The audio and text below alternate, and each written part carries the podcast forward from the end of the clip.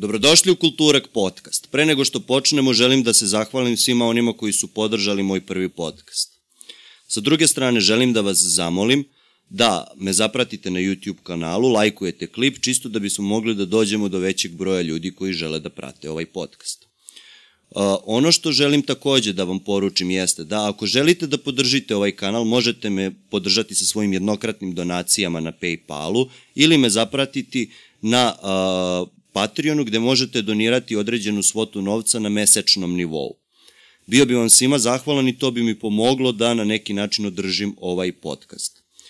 Uh, sada kada smo rekli sve ovo, ono što želim da najavim jeste moja druga epizoda u kojoj je gost bio moj prijatelj, uh, student uh, filmske režije kod profesora u klasi Srdana Golubovića, Bok, Boris Simić. Bok je jedna ovako poprilično široka osoba, jedna osoba sa jako velikim poznavanjem opšte kulture i opšte informisanosti, da smo imali jedan poprilično haotičan podcast gde smo započinjali sto tema, a nijednu nismo završili do kraja, a svemu smo pričali malo, svega smo se dotakli, a ništa do kraja u suštini nismo završili. Tako da imamo 2 sata i 40 minuta ničega u suštini. Tako da ono što možete da uradite jeste jedino da pustite taj podcast, da vidite o čemu smo mi to blebetali i da prosto u tome uživajte. Vidimo se.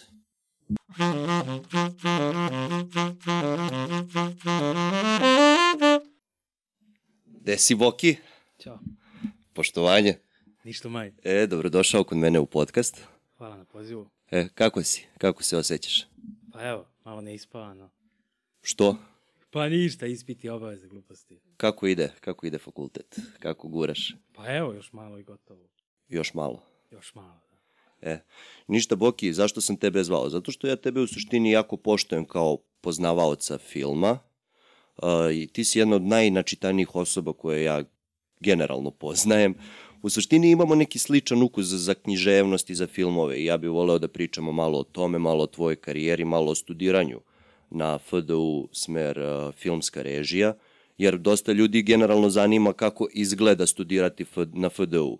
Ljudi imaju predrasudu o tome da to studiranje izgleda o, tako kako je, na jedan način pre nego što ga upišu i totalno se 90% njih razočara ili ne razočara onog momenta kada ga upišu i kada vide kako to studiranje zaista izgleda.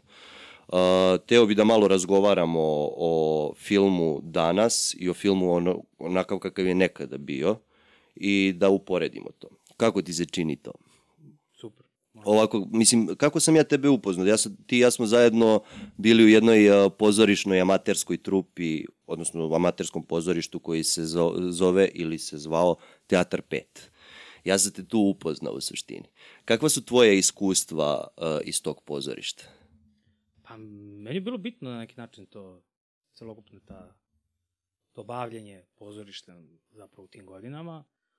Ja sam ušao to, ja sam negde tu u srednjoj školi zapravo već razlučio sam sa sobom čima hoću da se bavim i to sam video kao jedan način da kao zapravo uđem, uđem u to. Probitno me je zanimala gluma od nekih ranih, ranih dana kad sam bio mali i zapravo hteo sam da, da pravim filmove.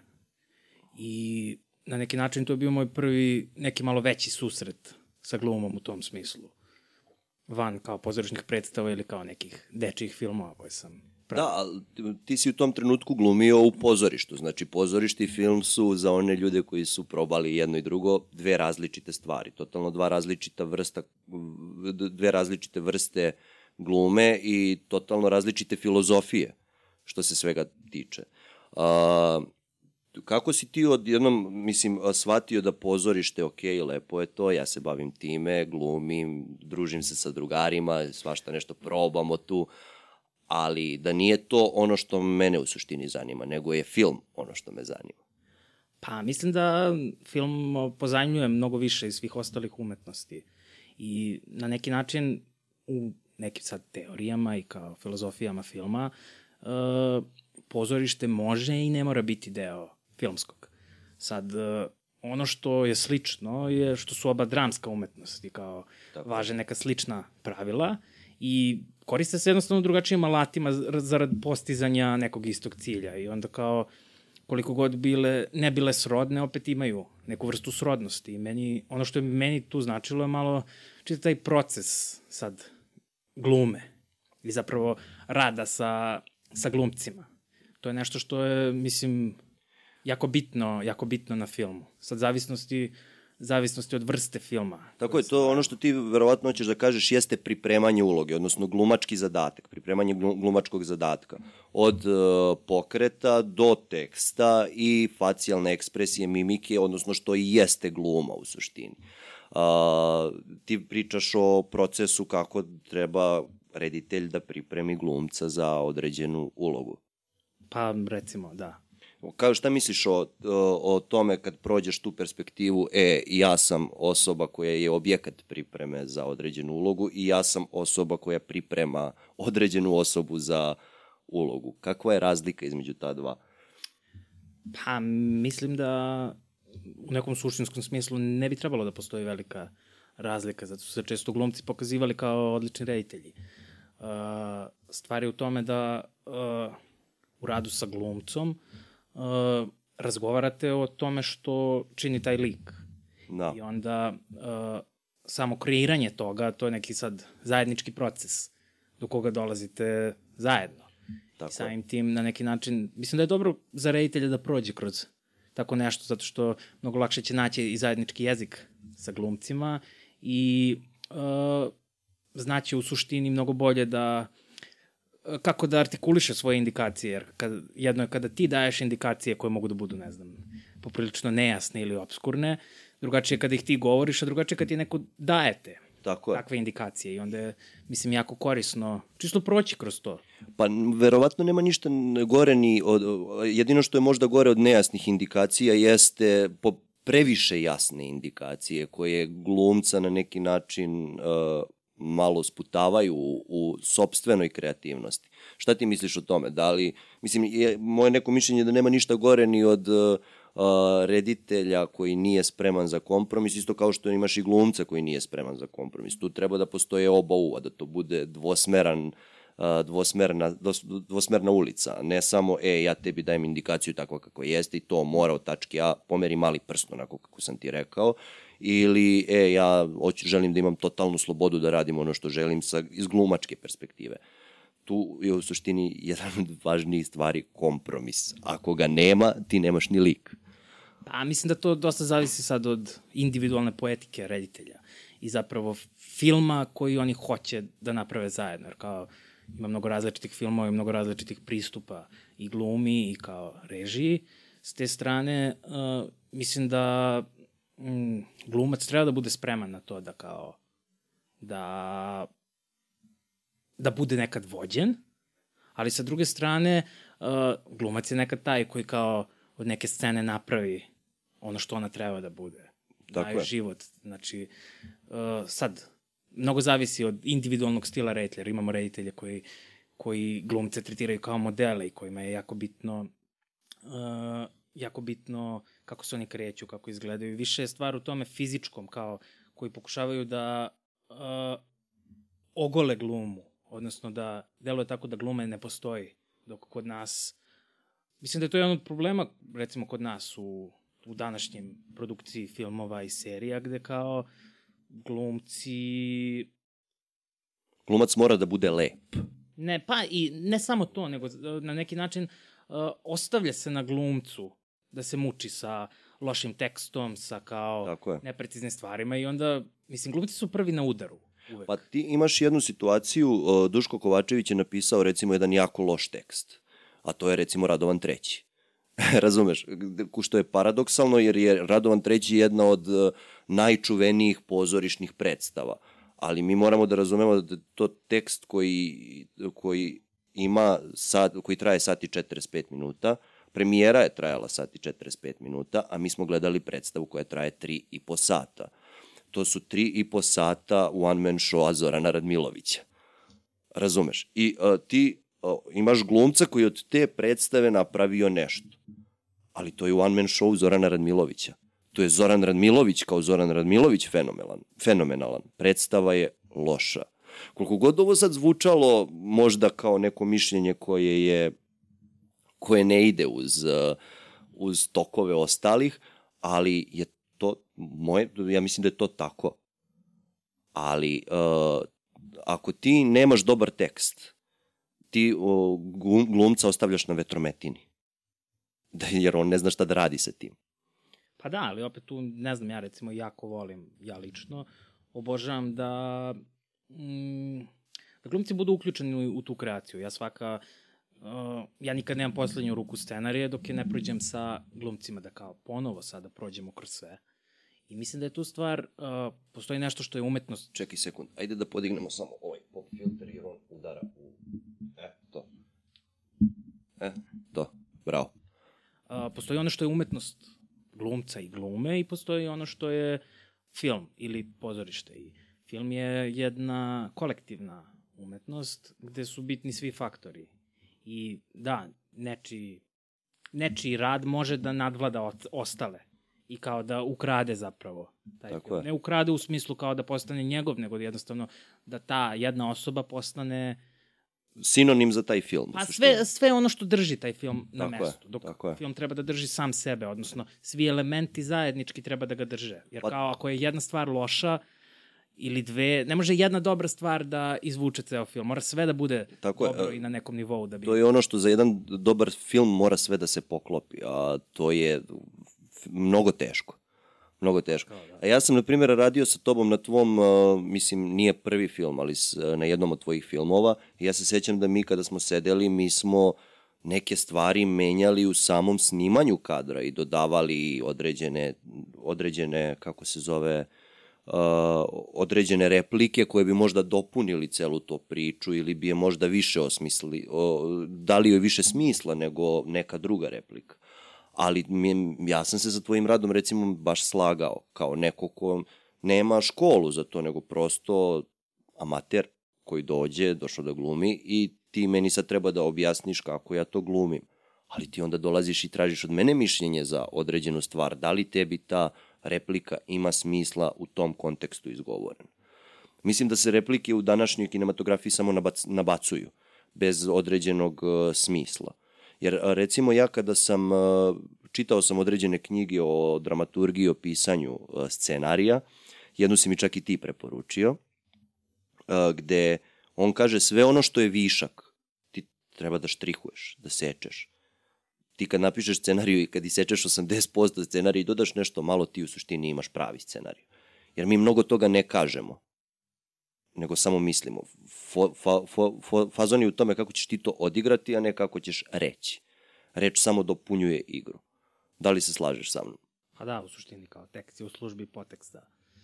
I da, ono što je, mislim, bilo jako zanimljivo tu, kad smo zajedno to radili, meni je to jedan ono, najlepših sećanja, baš jedno bezbrižno doba, kad smo kao ono radili, ali kao, mislim da i ti i Tamara koja je igrala s tobom i ja nekako imali Tamara Erdeljanov. Da, imali smo kao tu neku slobodu, mi smo se baš igrali tu kao, ali mislim da, amateri u tom trenutku, ali kao uh, jako smo ozbiljno pristupili tome kao stvarno smo radili zajedno na tome da izgradimo te likove, da izgradimo kao to, taj odnos, kao da stvorimo da stvorimo nek, nešto organsko u tom filmu. I mislim da smo u tome uspeli. Postojala je, mislim, e, sad, ajde, mišljenje možda bude da li taj film dobar ili loš, ali je postojala određena emoti, emocija i određeni entuzijazam koji se video. Da, iza da, svega da, toga. Ja se sećam kad smo mi snimili jedan dobar kadar kada Tamara pade iz kolica i kada pre, moment pre, pre tog kadra, kada se vidi krupan, uh, krup, u krupnjaku njeno lice i ta njena faca gde smo mi svi krenuli da vrištimo u tom trenutku kad smo videli šta je devojka uspela da izvuče, kakvu emociju uspela da izvuče i kao svi, to, to, takve stvari se ne zaboravljaju. Onda ona borba sa komarcima u, u, tvojoj, u tvojoj toj kući ili moment kad ja nosim one balvane preko drva, pre, one balvane preko onog brda i kada se valjam po onom blatu. Stvarno, treba da imaš određeni entuzijazam i želju da tako nešto snimiš da bi uopšte to radio, razumeš?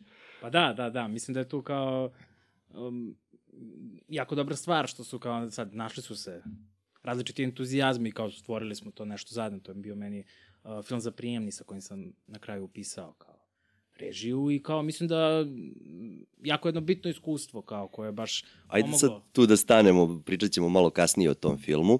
Ono što, što, me, što sam ja hteo da kažem jeste, ja se tebe sećam iz tog teatra gde sam tebe došao i video tvoju neku zajebanciju koja je na granici ponekad sa uh, ludilom. Uh, primitivnim ludilom ponekad poprilično, ako razumeš šta hoću da ti da. kažem. Sa ja mislim da ti jedna ortodoksna budaletina, razumeš. Ali ja tebe gledam u, u ulozi uh, u zatvorskom bluzu sina neke zatvorenice, šta je, ne mogu da se setim. Igrao sam tu predstavu, ali sam zaboravio. Da, da, da, sin zatvorenice. Tako je, ja, ja sam bio tu neka evropska komisija, sam glumio homoseksualca uh, i sećam se, uh, sećam se tebe koji si ono budala, izlazi i tako nešto iznosi i odigrava, a onda dođe ta ista budala i posle priča sa mnom i zajebava me, razumeš, posle te predstave, na identičan način, razumeš. Ti si čak za tom ulogom dobio i nagradu yes, na, da. na BAP-u, uh, kako, kako bi, uh, kako glasi puno? Festival. Beogradski festival amaterskog pozorišta, tako da. je. Ti si dobio nagradu za najbolju sporednu ulogu te godine. I, ne znam kako se to desilo. ne znam, prepoznali su nešto u tebi. I ja onda kao gledam tu budaletinu, razumeš, koja totalno nema filter pri, pri, pri zajebanciji. Ja se, ja se sećam, ti si toliko pričao o toj režiji, rekao, gde je ova budala na režiji? Ja se sećam scene kad smo u Gračanici igrali predstavu, posle predstave se slavilo, reći ćemo tako, malo smo se veselili Iskupili smo se svi u jednom trenutku u jednu sobi i na, na TV upustili porniće. I ti koji stojiš ispred ekrana i kada ja bi ovo drugačije režirao. ne sjećam se toga, da. ja se zato dobro sećam tog momenta. Znaš, i kao, posle toga ti i ja sedamo i krećemo da pričamo o tvom filmu koji ti planiraš za taj prijemni, gde ti mene zoveš da ja igram tu ulogu glavnu I ti ja krećemo da pričamo o književnosti, krećemo da pričamo generalno o filmu, ja shvatam koliki ti rezon svega toga imaš i ko, šta ti sve vidiš u celoj to, to priči. Pritom, opšta informisanost koja je fenomenalna, da ti mene faktički prvi put uvodiš u neko ozbiljnije pozorište. Ti si mene odveo u pozorište da gledamo Richarda III gde sam ja bio duševljen celokupnim tim svetom, gledao sam ljude na sceni kako se igraju četiri sata i tu sam ja odlučio da će umetnost i ta igra biti jedan od mojih poziva. Sad, na ovaj ili onaj način vidjet ćemo, ali tu sam se ja naklonio umetnosti na neki način. I sad, ja sam tu shvatio koja je tvoja, ko, ko, koji su tvoji kapaciteti, ko, kako tvoj mozak u suštini funkcioniše, da ta tvoja lucidnost potiče uh, iz određene uh, kontre svemu tome što se nalazi u tvojoj glavi. Uh, kakav si ti bio kao dete koje pretpostavljam poka pokazivalo tako neko ponašanje? Jesi imao neke probleme u društvu sa tim i kako si bio svatan? Kako si ti pokazivao tu svoju kreativnost koja je onako poprilično velika? Pa bio sam i ostao zauvek problematičan. da, da. To je nekako, mislim, u suštini imao sam uvek problema sa autoritetima, u društvu ne toliko kao, u društvu sam imao sam super kao uvek kontanje sa... Tako ti nisi bio, uh, ti nikad nisi bio žrtva autoriteta u društvu, ali si uvek, a nisi ni ti bio autoritet, ali si uvek umeo da podjebeš sa jednom jako glupom forom ili da baciš neku foru koju će svi da ono, osude na neki način. A da, ili čak pametno, jednostavno da, nisam imao taj, taj filter zapravo. I kao da, mislim, ne znam, ja sam imao problema, nemam pojma, u trećem razredu, ne znam, učiteljica nije htjela da me vodi na, na ekskurziju zato što sam bio problematičan, to je bilo nešto 7 dana, ne znam, Zlatibor, kao ne može ona mene da sačuva, kao. Da, da, a, ti, ti si išao iz krajnosti iz krajnost, da baciš jednu toliko inteligentnu foru, da, da ono svi svi umremo od smeha, onda da baciš tako jednu neku glupost ortodoksnu, ludačku, da ono budemo... Mislim, ti si osoba koja se prva okupala u fontani na slavi ikada.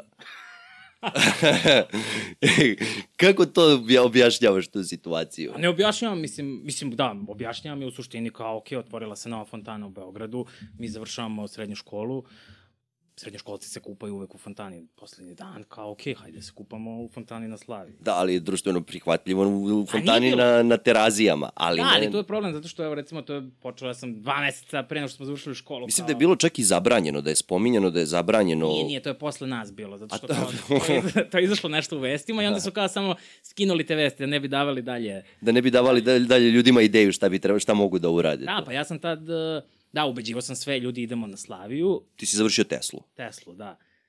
Tako da, ubeđivo sam kao sve, ne, jesi lud, kao uhapsit će nas, kao ne smemo to, kao nemoj jesi lud, kao bla bla, nećemo. Dođe poslednji dan. Nemoj jesi lud, misli poprilično glupo tebi reći, jer ti tako pa nije, funkcionišeš. Mislim, pa da, ima, mogu, ima neko, neke baze u razumu kada to kažu, ali kao nije ni bitno. I kao, ok, idemo. I onda su ništa tog plana ništa, kao došli trubači, svirali, svi se napili i otišli. Kao šta ćemo sad? Ja naravno, Slavija.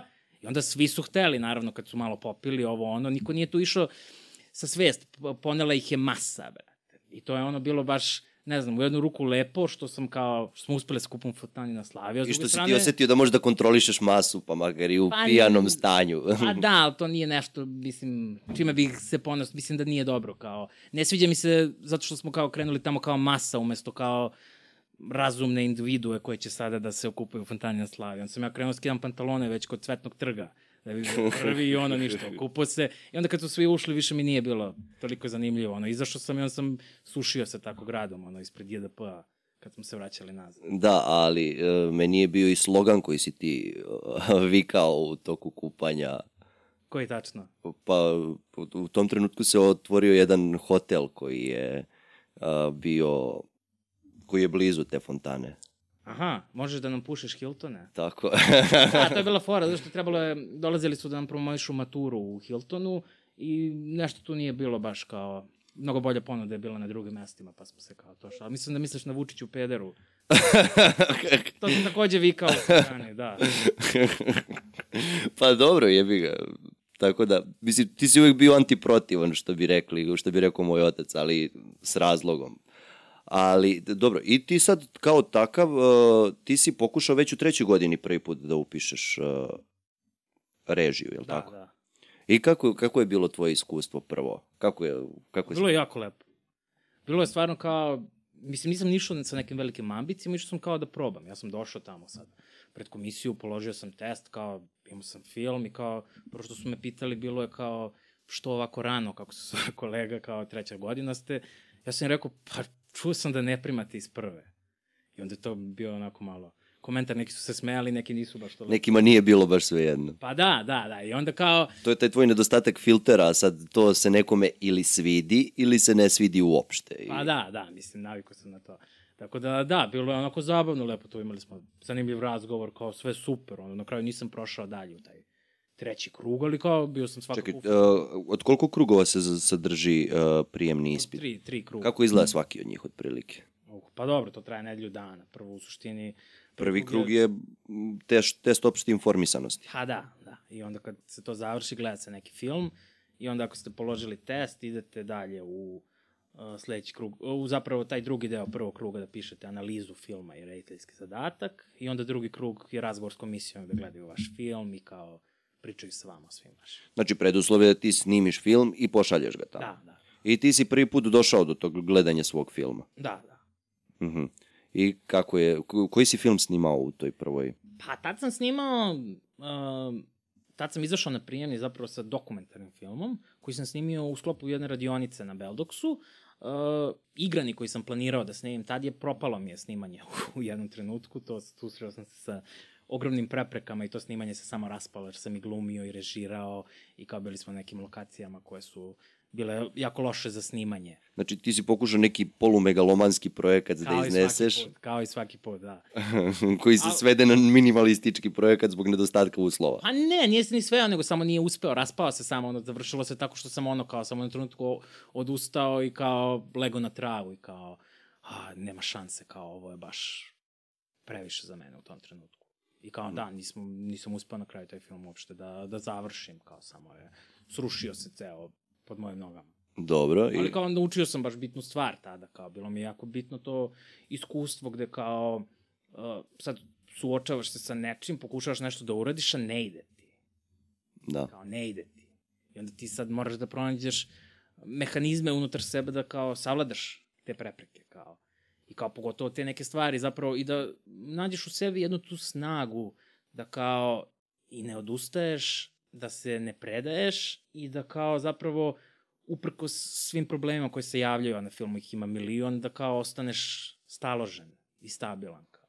Da imaš hladnu glavu da bi mogo adekvatno da reaguješ. A da, da, jer uvek je, mislim, nebitno od budžeta, uslova, kao uvek se suočavaš sa... Kao... Pa nije, pro, nije pitanje da li će se problem pojaviti, nego kada će se problem pojaviti i kako ćeš reagovati na A njega. ne, nego uvek je problem je kao neminovan pitanje kao kako ćemo da rešimo taj problem. I na to se i svodi kao cela filmska umetnost da rešimo probleme. Kao. Neki su veći, neki su manji, ali uvek su različiti da. tipovi problema. A kad si ti u suštini zavoleo film? Kad si ti shvatio moć filma? Lju, kad si stvorio ljubav prema filmu? Pa baš ono od najranijih dana, kad sam prvi put bio u bioskopu. To mi je mm -hmm. bilo recimo jako važno.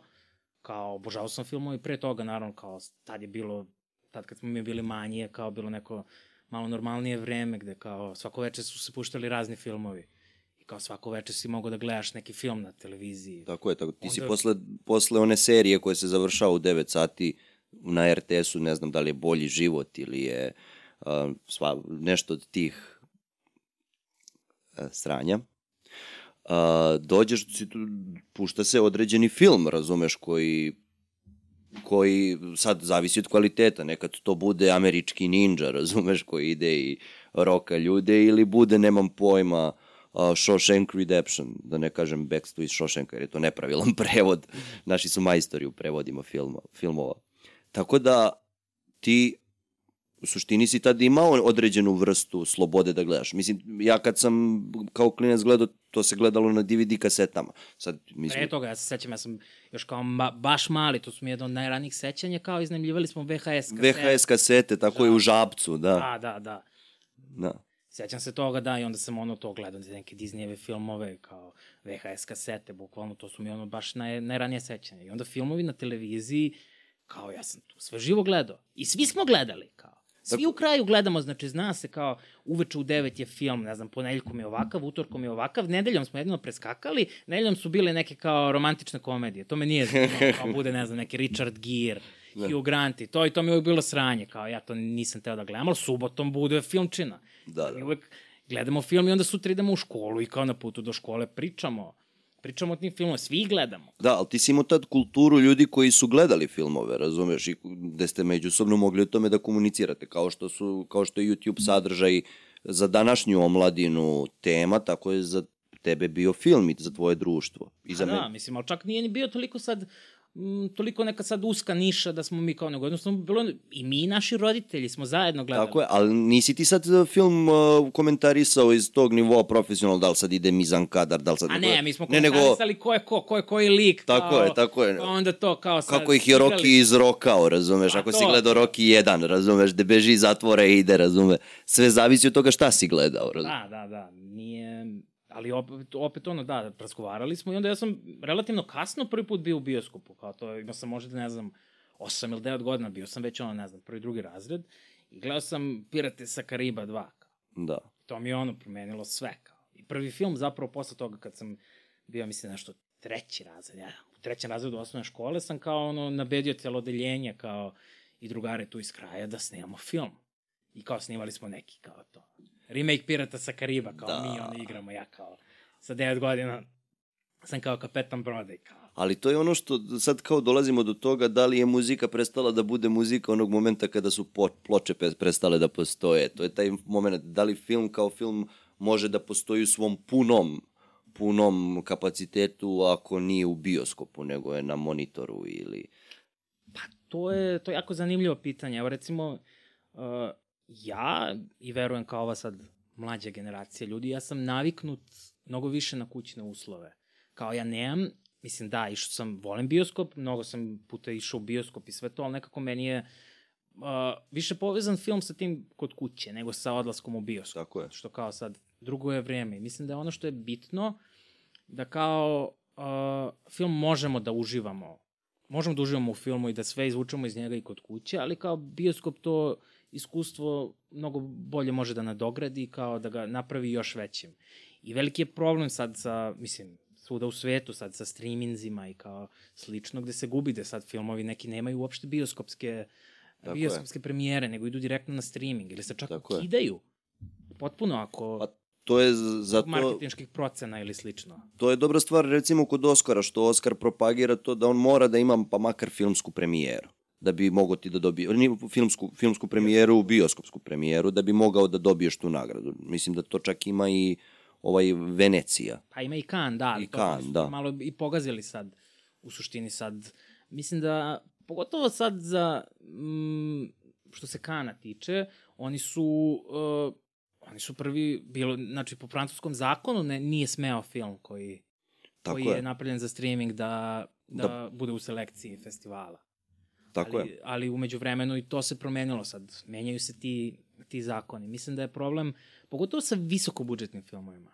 Kao, mislim da je tu najveći problem. Ako sad neko napravi neki kao DIY malo film ili kao nešto sa malo para, malo, na primjer Sean Baker koji je snimao na iPhone-u kao svoj da. par filmova, uh, mislim da u tom slučaju ne, nije okej okay očekivati neku veliku di, distribuciju. Tako je, pogotovo ne bioskopsku premijeru, jer Upravo, jer kao sad, mislim, moguće je, sad sve zavisi, ali mnogo su velike tu igre, ali ne, mislim da nije u redu da film koji je kao, na primjer, evo novi, novi Scorsese film koji sad treba da izađe, da. ne može on na streaming, on mora u bioskop. On mora, pa do, do, zato što je to zalaže, tradicija. On će biti u Tako bioskopima je. i treba da bude u bioskopima. Mislim, svaki film treba da nađe svoj put, ali tu su sad razni problemi distribucije i to ima sad Ima tu par ljudi u Hollywoodu koji se bore i dalje za to. Pa, ali dobro, ti sad imaš uh, tu situaciju da, evo, skorašnji, koliko god sam, ajde, nisam želeo to da komentarišem, ali ajde, prokomentarisat ću, uh, Barbie film i ovaj paralelno sa njim uh, Oppenheimer, Oppenheimer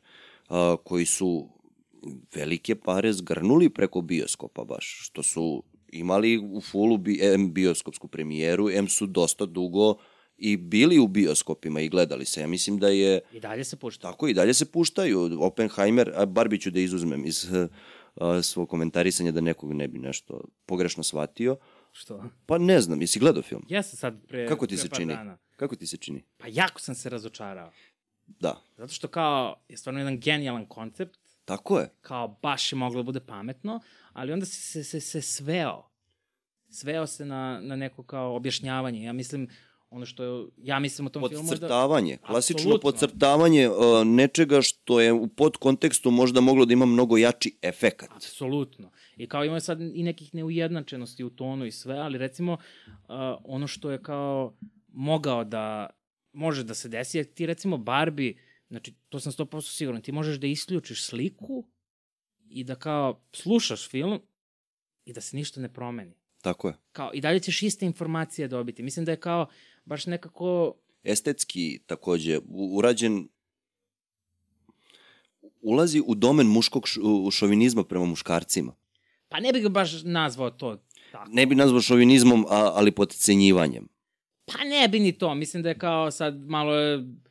Ni, nije Misliš, šta god da kažeš... Uh... Satiričan je prema tome. Da. I kao na jedan zanimljiv i smešan način. Kao, super okay, je, mislim. da. Ja u suštini nemam nikakva kao ideološke probleme sa filmom. Ne, ne, ja ne pričam o ideološkim problemima. Ja apsolutno nisam protivnik feminizma ili bilo čega u tom kontekstu, ali mislim da su napravili sebi medveđu uslugu sa tim filmom. Pa, ne bi nazvao medveđu uslugu, više bih rekao kao nisu napravili dobar film. Nisu napravili, bravo. Jebi ga, dešava se. Tako je.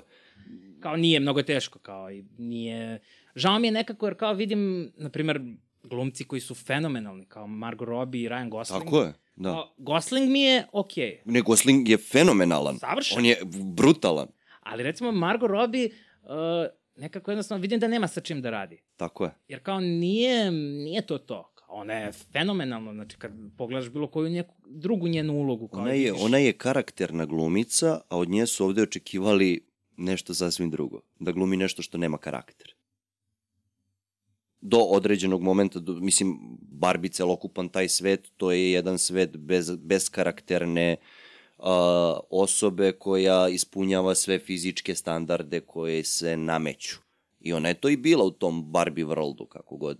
Ali odlazak u stvarni svet, mislim da se tu uh, Margot Robbie nije najbolje snašla. E pa nije se ni film snašao u tom trenutku, Tako jer je. nekako zakonitosti a, Barbie sveta su ostale iste kad su oni prešli u stvaran svet. Tako je. Naprimjer, oni svi sad, oni glupi Mattel executive kao sad oni trče za njima i kao, ne znam, najđu na rampu i ne mogu da se snađu, kao, ha, glupi muškarci. Tako ok, je. treba se igrati s tim i kao, Tako je, ti, ti možeš od muškaraca napraviš na mnogo drugačije načine da su glupi, jer mi fakat jesmo glupi u poređenju sa glupi, ženama. Nebitno od pola, Tako je. kao, svi imamo, svi smo i pametni, Tako je. i glupi, kao, to, to Tako neke je. stvari koje kao čine svakog čoveka. Apsolutno nemam problem za ti što ste vi od muškaraca pokušali da napravite glupane, jer i jesmo u određenim situacijama. Svako je glup, razume, a nikak, ništa sporno u celoj toj priči. Da, da, ali jedina stvar Ali je tu- napravljen na glup način.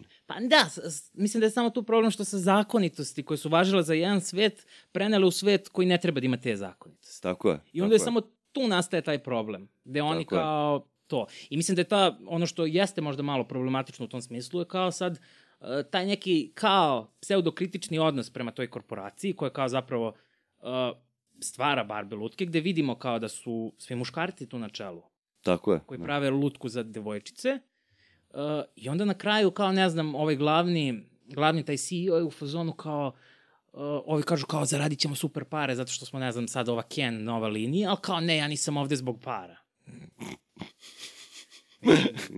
kao, okej, okay, mislio sam... Jeftino, jeftino. Mislim, čim sam vidio kao u uvodnoj špici da je Mattel producent, znao sam da sad tu neće moći da postoji neka kao malo jača kritika i ozbiljnija, ali onda je možda trebalo da se, da se izbegne, jer kao, mislim da tu stvarno, da je to problem. Ja sam, moje mišljenje je nekako, ako praviš film za decu, recimo, hoćeš od Barbie da napraviš film za decu, onda pravi film za decu. Razumeš, da ne možeš da uklopiš, uh, ja sam na poslu imao osudu kao, si gledao Barbie film? Pa gledao sam, kao, išao sam, gledao sam Barbie film, da je koleginica, i joj, ja sam sa svojim čerkama išla da gledam Barbie film. Šta ćeš ti E, na upravo, Barbiju? Ja mislim da, da film za decu treba da bude film za roditelje. Tako je.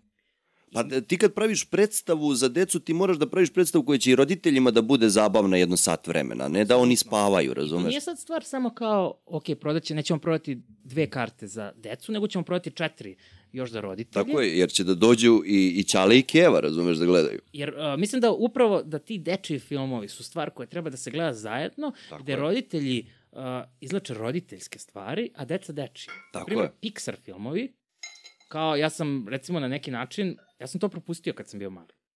Ja sam prvi put sad, pre ne znam, u prethodne dve, tri godine prvi put gledao Pixar filmove. Ja kad sam bio klinac, ja nisam teo to da gledam, kao šta, ja sam veliki, kao neću da gledam filmove za decu, ja Tako ću da je, gledam, ne znam, Terminatora, Predatora, neku akciju, kao ne, ne zanimaju me, to je za dečurliju. Tako je, I onda tako. sad, recimo, kad sam pogledao te filmove, ja kao, ja sam na svaki treći plakao. bre.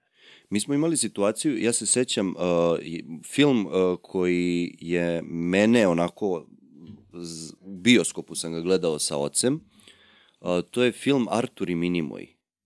Dobro, da, sećam se toga. Ja sam otišao i gledao taj film i ja sam bio tako uvučen u ceo taj svet. Da taj film kad se završio i Artur se sad vraća u stvarni svet i on neće moći određeni vremenski period da se vidi sa princezom, devojkom koju je on smuvao, pa te borbe, sam bio razočaran zbog toga. Znaš, mi- ja sam morao taj film da tražim da gle- gledam opet i mene taj film, koliko je mene za, zainteresovao, zaintrigirao i mogo oca pored mene. E, to je ono što je važno, razumeš? I, sećam se da je bilo ono uh, letnje puštanje filmova na RTS-u, da tipa u periodu da, oko da, dva da. sata ti imaš dečije filmove koji se puštaju na RTS-u. I mi smo to porodično sedeli i gledali, razumeš? Da, da, da, upravo, jer mislim da, pogotovo ti dečiji filmovi, oni treba da budu kao sad tema za komunikaciju između Tako dece i roditelja. Tako je. Kao, na primer, Pixar to sjajno radi kroz neke genijalne koncepte, na primer Inside Out. Tako je. Si gledao? Da. Gde se bavi kao emocijama. I emocije su glavni, glavni likovi. I onda, osje, i onda kao uh, komunicira te neke stvari i sa decom i sa odraslima. Tako je, koje su tako kao je. jako bitne za kao odrastanje. Ili, na primjer, Ratatouille, kao, gde pacovano postaje najveći kuvar. Mislim, Tako meni je. To kao jedan od stvarno najboljih filmova ikada. Tako je, tako je. I kao na neki način, toliko su topli i puni emocije, istovremeno i pametni. I onda kao i roditelji i deca uživaju u tome. Dok recimo, ne znam, ja Barbie sam gledao i kao... Nisam imao osjećaj da može baš roditelj da Pa- shvati kako da iskomunicira sa detetom u tom nekom kontekstu. Ha da, da, da, jer ovo nije... Mislim da je to najveći problem sa kinematografijom danas, zato što 99% stvari se svodi na stvari za tinejdžere. Tako je. I onda kao, na primer, Marvel filmovi. Mislim, evo, ja stvarno ne mogu da... da Ja, ja uh, ajde kažemo, gledo i ne gledam više. Isto, odgledo, i, odgledo dva, tri i ne gledam više. Ne, ja sam gledao to masivno, ja sam kao klinac, ono, od kad je, pr... gledao sam Iron Mana u bioskopu, meni je to bilo kao, ja sam bio ogroman fan, čitao sam i stripove i sve, ali jednostavno, kada prođeš neke godine, uh, taj način na koji ih sada prave je potpuno za tinejdžere. Tako je. Dok oni mogu, mislim, u tim stripovima stvarno postoji potencijal da napraviš filmove koji kao, Pa kao što su recimo sa Batmanom uradili. na primer, da, meni je to odličan primer. Kao Tako je. Batman i ovaj najnoviji i onaj po, prethodni koji je Nolan radio, stvarno Tako je. ima nešto, ok, to jeste stripski junak, nije to sad, nemam pojma, rat i mir, ali opet kao u samom tretiranju tog Dao mu je treću dimenziju. Apsolutno. Tako je. Mislim, ne znam, ja, onaj put, o, u trenutak kad sam ja odustao od kao Marvela i Avengersa, je bilo kad je izašao drugi, valjda, Avengers i kao, nemam pojma, ovaj, Iron Man kaže nešto shit, a Kapetan Amerika mu kaže kao, what's your language? Kao, ne mogu, kao, okej, okay, Da, da. kapiraš. A kao opet, mislim, ono, sad otprilike ne pratim toliko, ponekad ispratim nešto i dalje što rade, jako me zanima kao taj razvor, jer je stvarno veliki fenomen. Tako je. Ali kao, mislim da će se samo urušiti u sobstvenoj kao veličini. Da. Jer je kao preovladao maksimalno i kao publika hoće nešto novo. I to smo videli sad ovog leta sa Oppenheimerom, dakle, sa Oppenheimer Barbie. koji je bio fenomenalan film. Razumeš? Ali to je ono komentari, ljudi su izgubili toliko fokus uh, da komentari kao film je dobar, ali brate dugo traje. E pa veliki problem s tim je, verujem da je to problem sa ovim podcastom isto, što, mislim, nije toliko, već je problem sa Oppenheimerom, jer on tri sata ne vadi cigaru iz usta, Tako je. kao ti ne možeš da pušiš u bioskopu, bre. Da, Znači, to je, to je ono što je mene u, ubilo. tako je. Znači, to je ono što je mene ubilo u tom trenutku, ali kao film je fenomenalan. Mislim, kao skroz te izvede, brat, uvedete u tu neku Ali to realnost. sa cigarom ja sam imao veliki problem. Re- Recimo da sam True, True Detective gledao u periodu kada sam pokušao da ostavim cigare. Ja gledam onog lika koji toliko fenomenalno uh, purnja onu pljugu, brate, da ja nisam mogao da izdržim, a da je ne zapalim u sred. Pritom je sve toliko tenzično, toliko... A da, da, da, da, sjajna, sjajna serija. Da, no, prva sezona. Da, apsolutno. Treća, treća je ok, dosta dobra. Okej, druga je- Četvrta može da bude jako zanimljiva. Ne znam, nisam, je li izlazi četvrta Sa sezona? Jodie Foster na Aljasci za vreme onih uh, polarnih noći. Ozbiljno? Da. O, pa Jodie to Foster. može da bude fenomenalno. Da, da, imam stvarno veliko očekivanje. Meni je to bilo, recimo, prva sezona mi je kao... To je stvarno jedna od najbitnijih serija koje sam... Koje Tako, sam... i, ono što, I ono što mi se svidelo jeste da ta priča nema kraj. Da, Ti ne znaš šta se završilo, ti imaš tri tačke. To je ono što sam ja pričao u svom prvom podcastu. Kraj je smrt, a generalno kraj u onom formatu koji mi gledamo je samo tri tačke. Što mi moramo da imamo happy end ili ono, tužan kraj.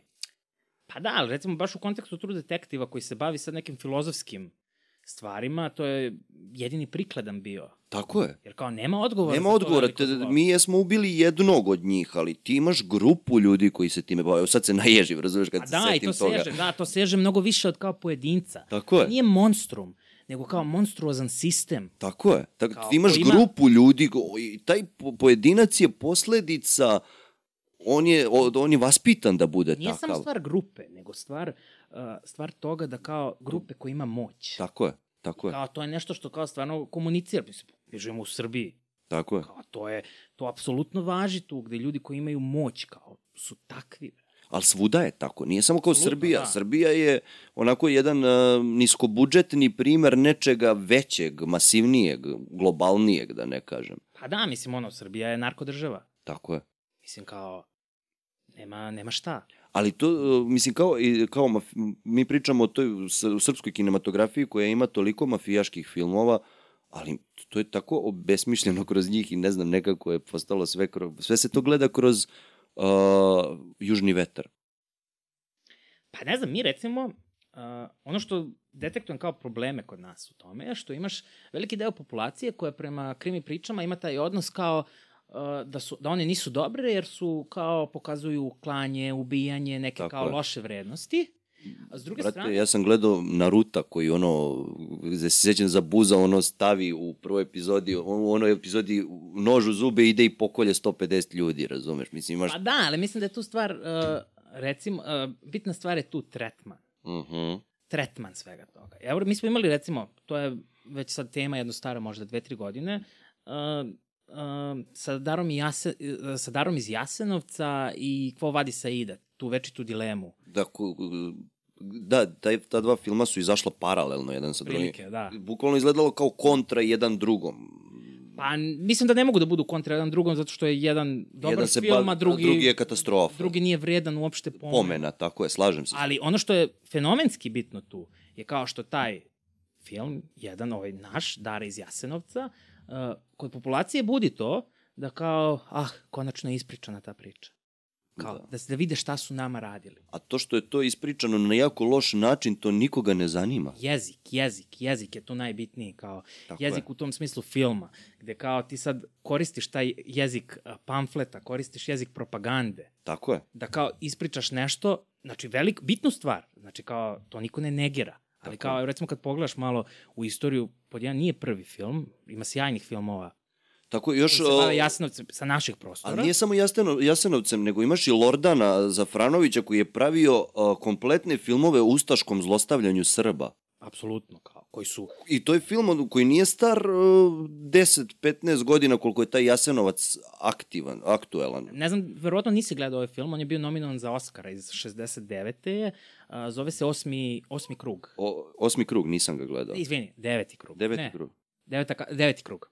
Dobro. To je film uh, čija se završnica dešava u Jasenovcu i bavi se uh, jevrikom koja je, uh, da bi sačuvala sebe, kao stupa u kao brak sa svojim porodič, drugarom koji, čiji su roditelji porodični prijatelji. U suštini porodica od tog drugara nju uzme da, da bi se, kao se ona uda za njega da ne bi, da ne bi odveli Nemci. Kao čitava ta to je stvarno jedan od najboljih filmova ikada, pogotovo bavi se tim stvarima i kao na filmskom nivou koliko je sjajan, kao. Bio nominovan za Oscara. I Tako posle, je. problem sam, kod nas je ta velika propaganda koja se dešava kao koja, koju država propagira na te neke stvari. I onda kao uh, mi dobijamo evo, pitanje Oscara, gde se šalje film, na primer, Dara iz Jasenovca, zato što je to tematski.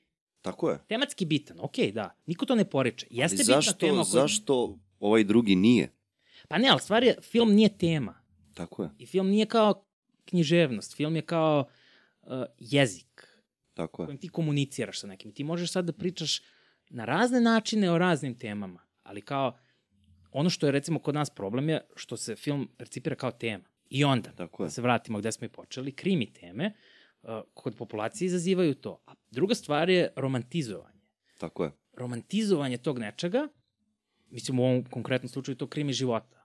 To gde svi ti likovi ispadaju super, nemaju posledice, gde ne pokazuješ uh, ne pokazuješ neke negativne stvari. Tako je, ti imaš... Ili ih pokazuješ na način koji, izgled, koji deluje onako malo nebitan. Niko ne plaća pravu cenu. Ali opet je tu problem, zato što koliko god ti realno da predstaviš te stvari, teško je pobeći od toga da ih malo romantizuješ. Tu imamo, Tako na primjer, je. Kuma.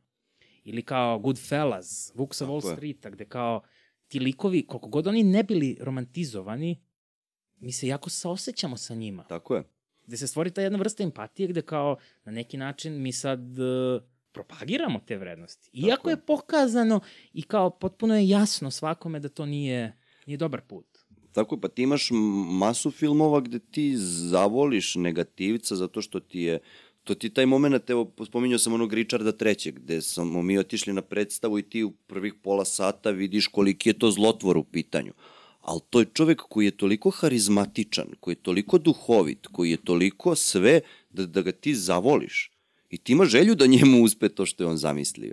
Da. Zato što je dobro napisan.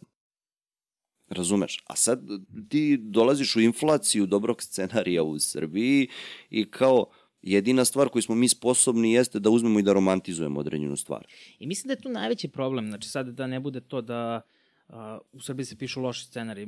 Mislim da je mnogo bitno pitanje zbog čega. Zbog Šta čega? I to je problem. Tako je. Problem s našom kinematografijom, uh, zašto se to dešava, su produktivni uslovi.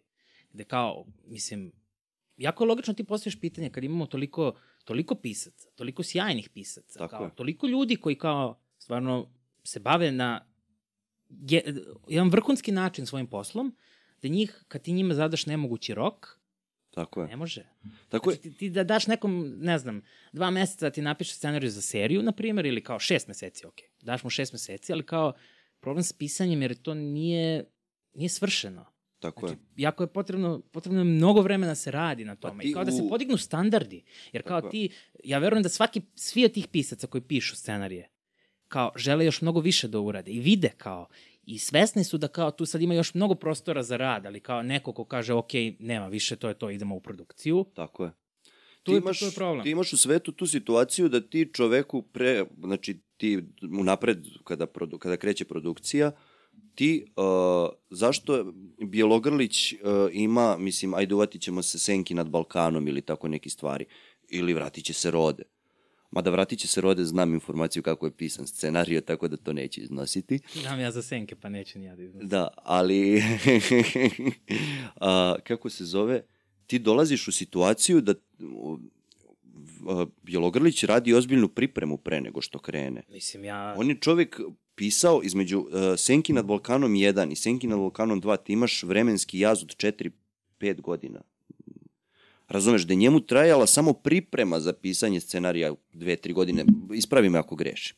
Pa, ne znam sad tačno, ali stvar je u tome da kao je Bjelogrlić svetli primer kao čoveka koji je spreman da kao ide u to što hoće i kao da ispuni tu svoju viziju. Tako kao, je. I on je, znači, genije u tome. Tako je. Mislim, genije. Čovek, uh, čovek koji apsolutno uspeva u svemu tome i kao koji neće da, da prihvati ne za odgovor. Tako je. Koji je kao dovoljno dovoljno pametan i dovoljno tvrdoglav da, da uđe u koštac sa tim i da izgura na najbolji mogući način. Tako je. Kao, mislim da stvarno treba se ugledati na to. Tako je, to, to on je došao i se piše Senke nad Balkanom i ja sad pišem scenario dok ne bude dobar. I onda idem tek u snimanje. Da, da, da, da, da. Razumeš? I posvećujem se svemu, svakom aspektu, kako se posvećujem a, prvom, odnosno pisanju scenarija, kako se po, po, posvećujem snimanju, tako se posvećujem i postprodukciji. E, a tu sad dolazimo do druge stvari, gde sad imamo uh, čitavu epidemiju, vizualni efekti, Tako taj je. CGI, koji ne liči ni na šta, Tako je. na što je ličio pre, ne znam, 10 godina ili pre 20. Zašto? Kao, jel ti ljudi ne znaju da rade? Ne. Ti ljudi su sjajni i apsolutno znaju, ali ti njima kada uh, ne doneseš dovoljno spremljen materijal i kad im uh, zadaš nemoguće vreme da to urade, pa to ne može da bude dobro. Tako je, ti imaš jedan veliki problem toga da, uh, recimo, vatit ću se banalnog primjera uh, Lord of the Rings, gde ti imaš snimljen prvi, drugi, treći deo, odnosno tu franšizu Lotr, i onda dolazi Hobbit, da ja gledam ono bitku pet armije i ja ne vidim ništa. Ja, ja, ja se osjećam prevarenim što ovo gledam. Da su meni mnogo bolje bitke bile u, u prve tri franšize, gde ono, sećam se ono bitke između dve kule kad kreće ona prva bitka, kad uh, kreću oni, mislim, zašto? A ovde se, tamo ništa nije bilo CGI. Mislim, bilo je, ali, ga, ali je pametno korišćen i bio je minimalan jer je bio mnogo skup. A da, ali to je vizualni, CGI je štaka.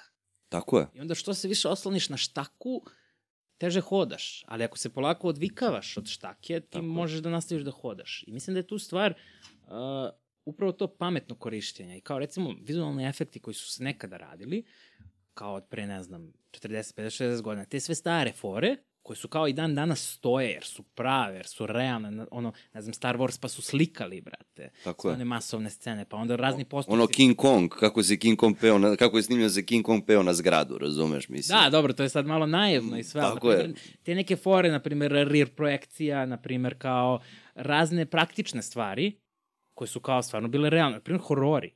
Horori su jedini koji ne mogu to da trpe. Ti imaš čudovišta, kad, Tako jer je. horor eh, je žanr koji, za koji je jako bitno da se u svakom trenutku veruje u to. Tako da bi je. bilo strašno. I onda Tako kao ti kad ubaciš sad ova nova čudovišta koja su fake, to nije to.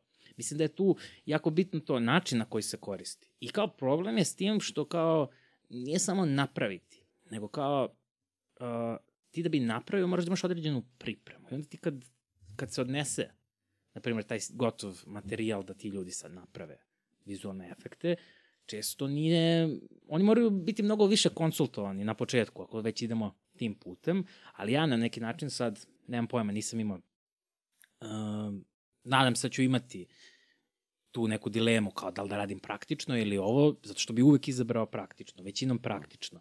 Zato što evo, to je sjajno, to ljudi vole. Na primjer, Tom Cruise i njegove ove sad nemoguće misije, mislim. To kao, to vraća ljude u bioskop. Tako je, Ljudi idu to da gledaju zato što je stvar. Tako je, što kao, on će stvarno da skoči sa planine na motoru padobranom. tako je. Kao stvarno će se penje po Burj Khalifi, kao. I to je ono što je kao genijalno tu. Da. Ali ti imaš tu, evo sad recimo horora, da su horori bili mnogo strašniji nekada.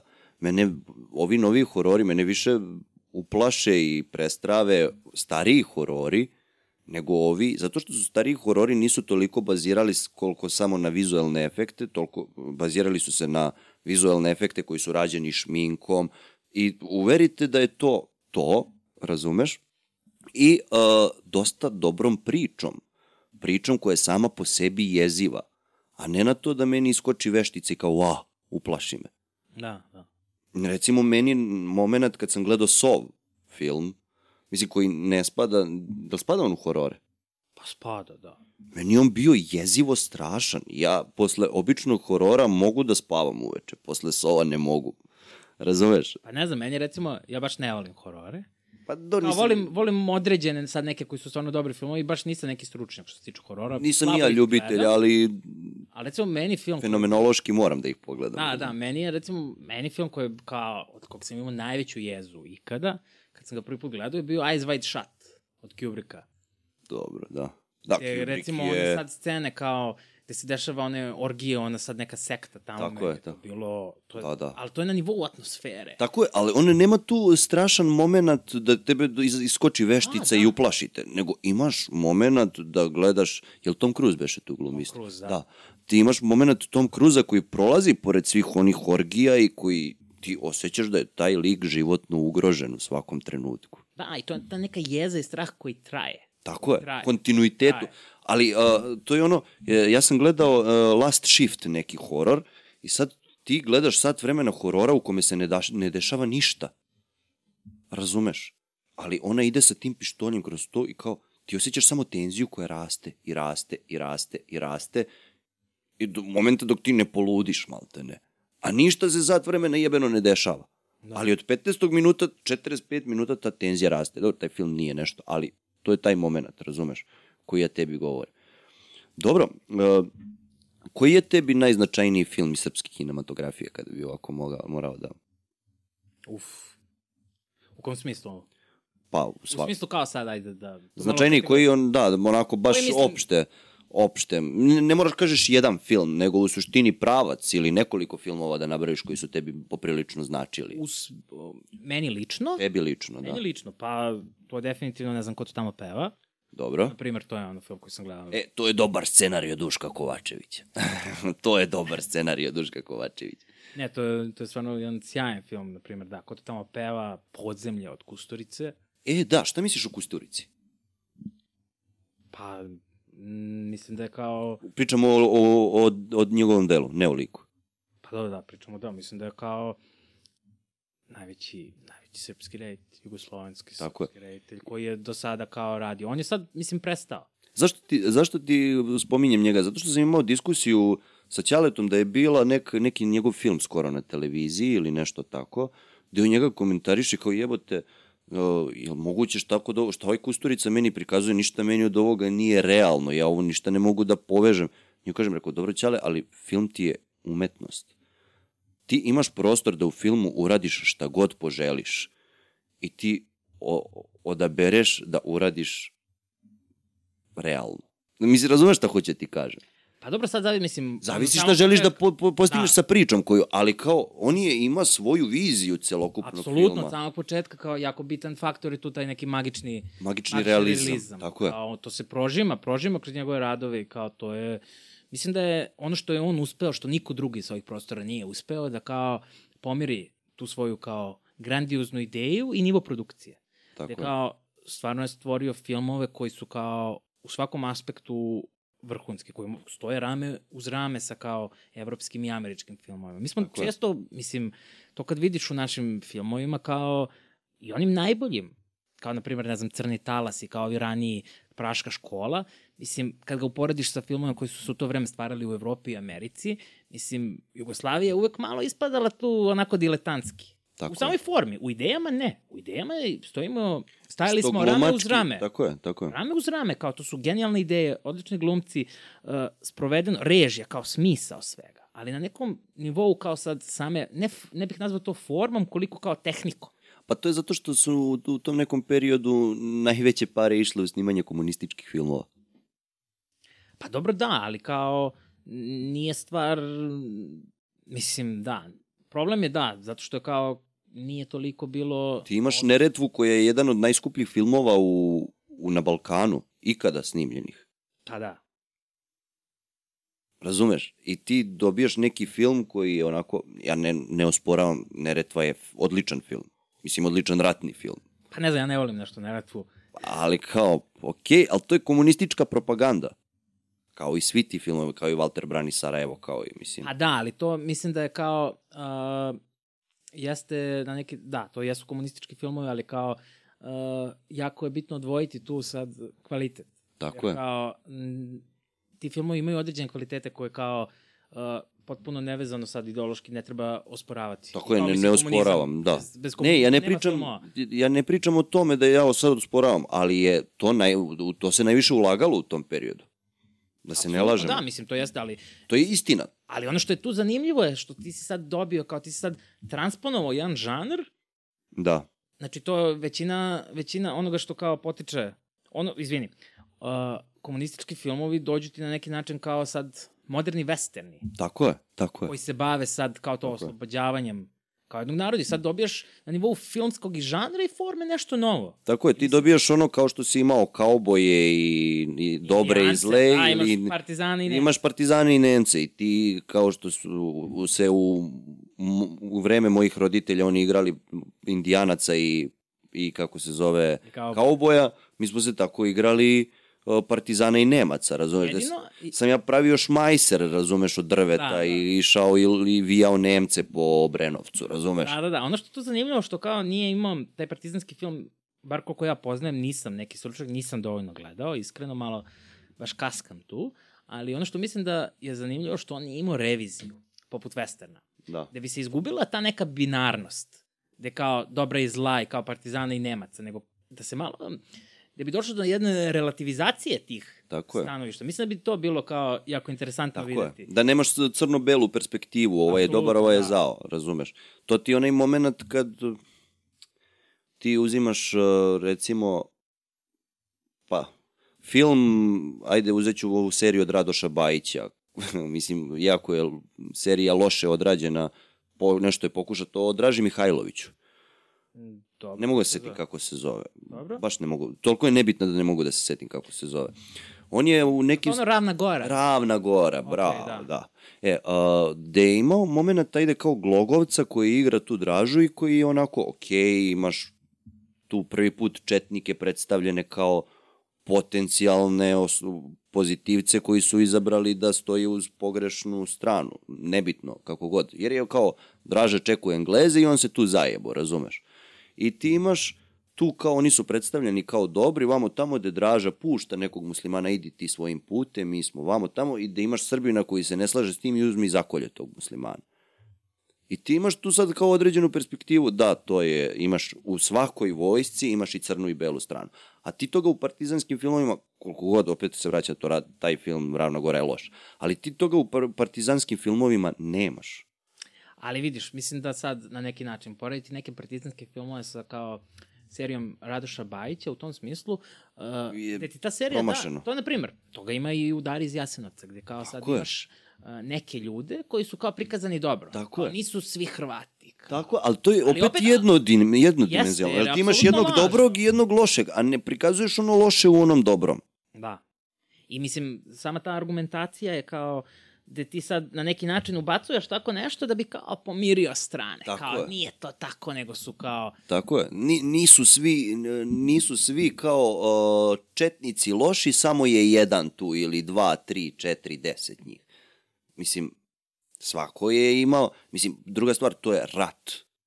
To je totalna dehumanizacija stanovništva. Ti imaš ljude koji se međusobno ubijaju i bore se za goli život.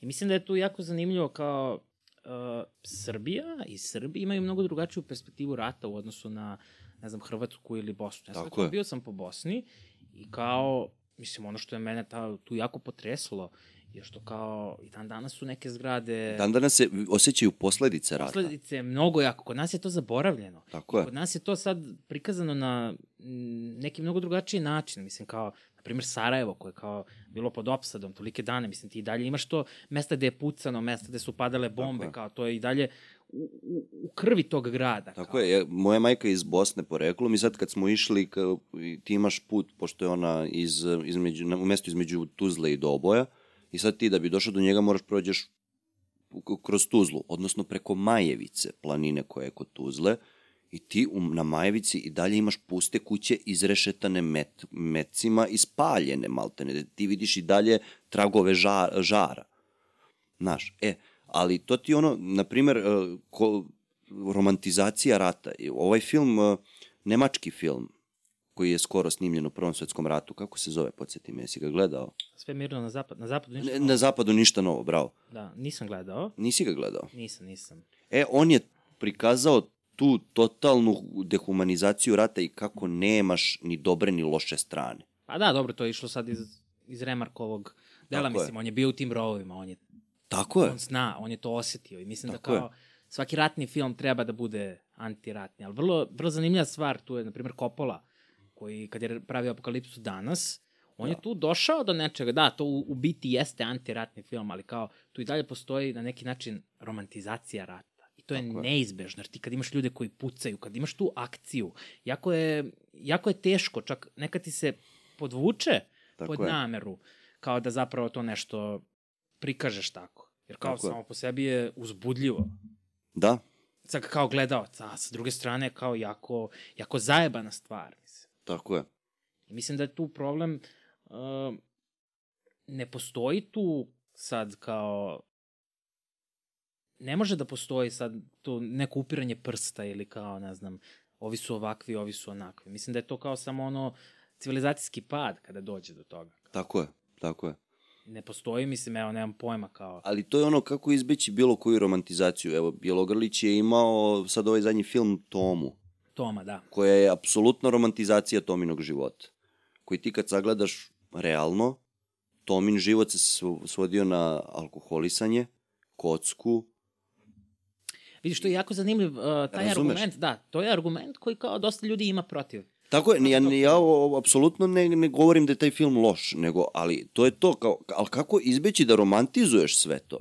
Kako da, usp, ka- kako da napraviš film koji je dobar, a da bar ne poku, a, da- a, da- a da uspeš da ne rom, romantizuješ? Mislim da u, u Tominom slučaju to ne možeš da uradiš. Tako je. Zato što uh, na kraju dana taj čovjek je nešto uradio i uspeo u nečemu. I onda Tako je. to sad kao ne može jednostavno, ok, to je bio veliki deo njegove ličnosti, ali kao poenta je, nije, ne, taj film ne romantizuje toliko to sad kocku, alkohol i to koliko Nastanak njegovih pesama i... Da, to je ono što je bitno, njegova srž, jer kao njegov život nije bio uh, alkohol i kocka, njegov život su bile pesme, on je Tako je. pesnik. On je živeo tako kako je živeo, Tako je. kao i to nije sad, mislim, nama taj film ne govori kao je živite ovako, on nam prikazuje neku lepu stranu, da, romantizovanu stranu toga, ali kao srž, Tako je, ali taj Toma opet na kraju umire od karcinoma, razumeš, e, koji je izazvan prekomernim unosom alkohola.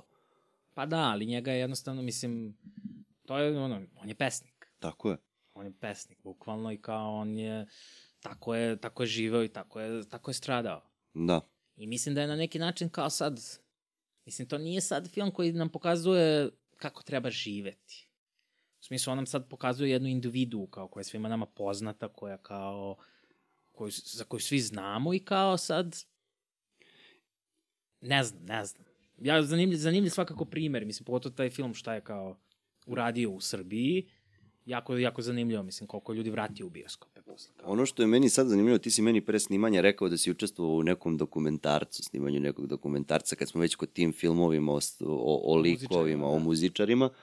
Uh, ti si uči, učestvovao u jednom behind the scenes uh, dokumentarcu. Da, da, da. Uh, hoćeš da objasniš o čemu se tu radilo? Pa ništa, neću previše otkrivati zato što kao film tek treba da izađe i... Koliko smeš da kažeš, u Pa da, da, ništa u suštini radio sam na, na filmu o Jay-u, Dobro, kao, koji se sad snima prethodnih par meseci. Kao.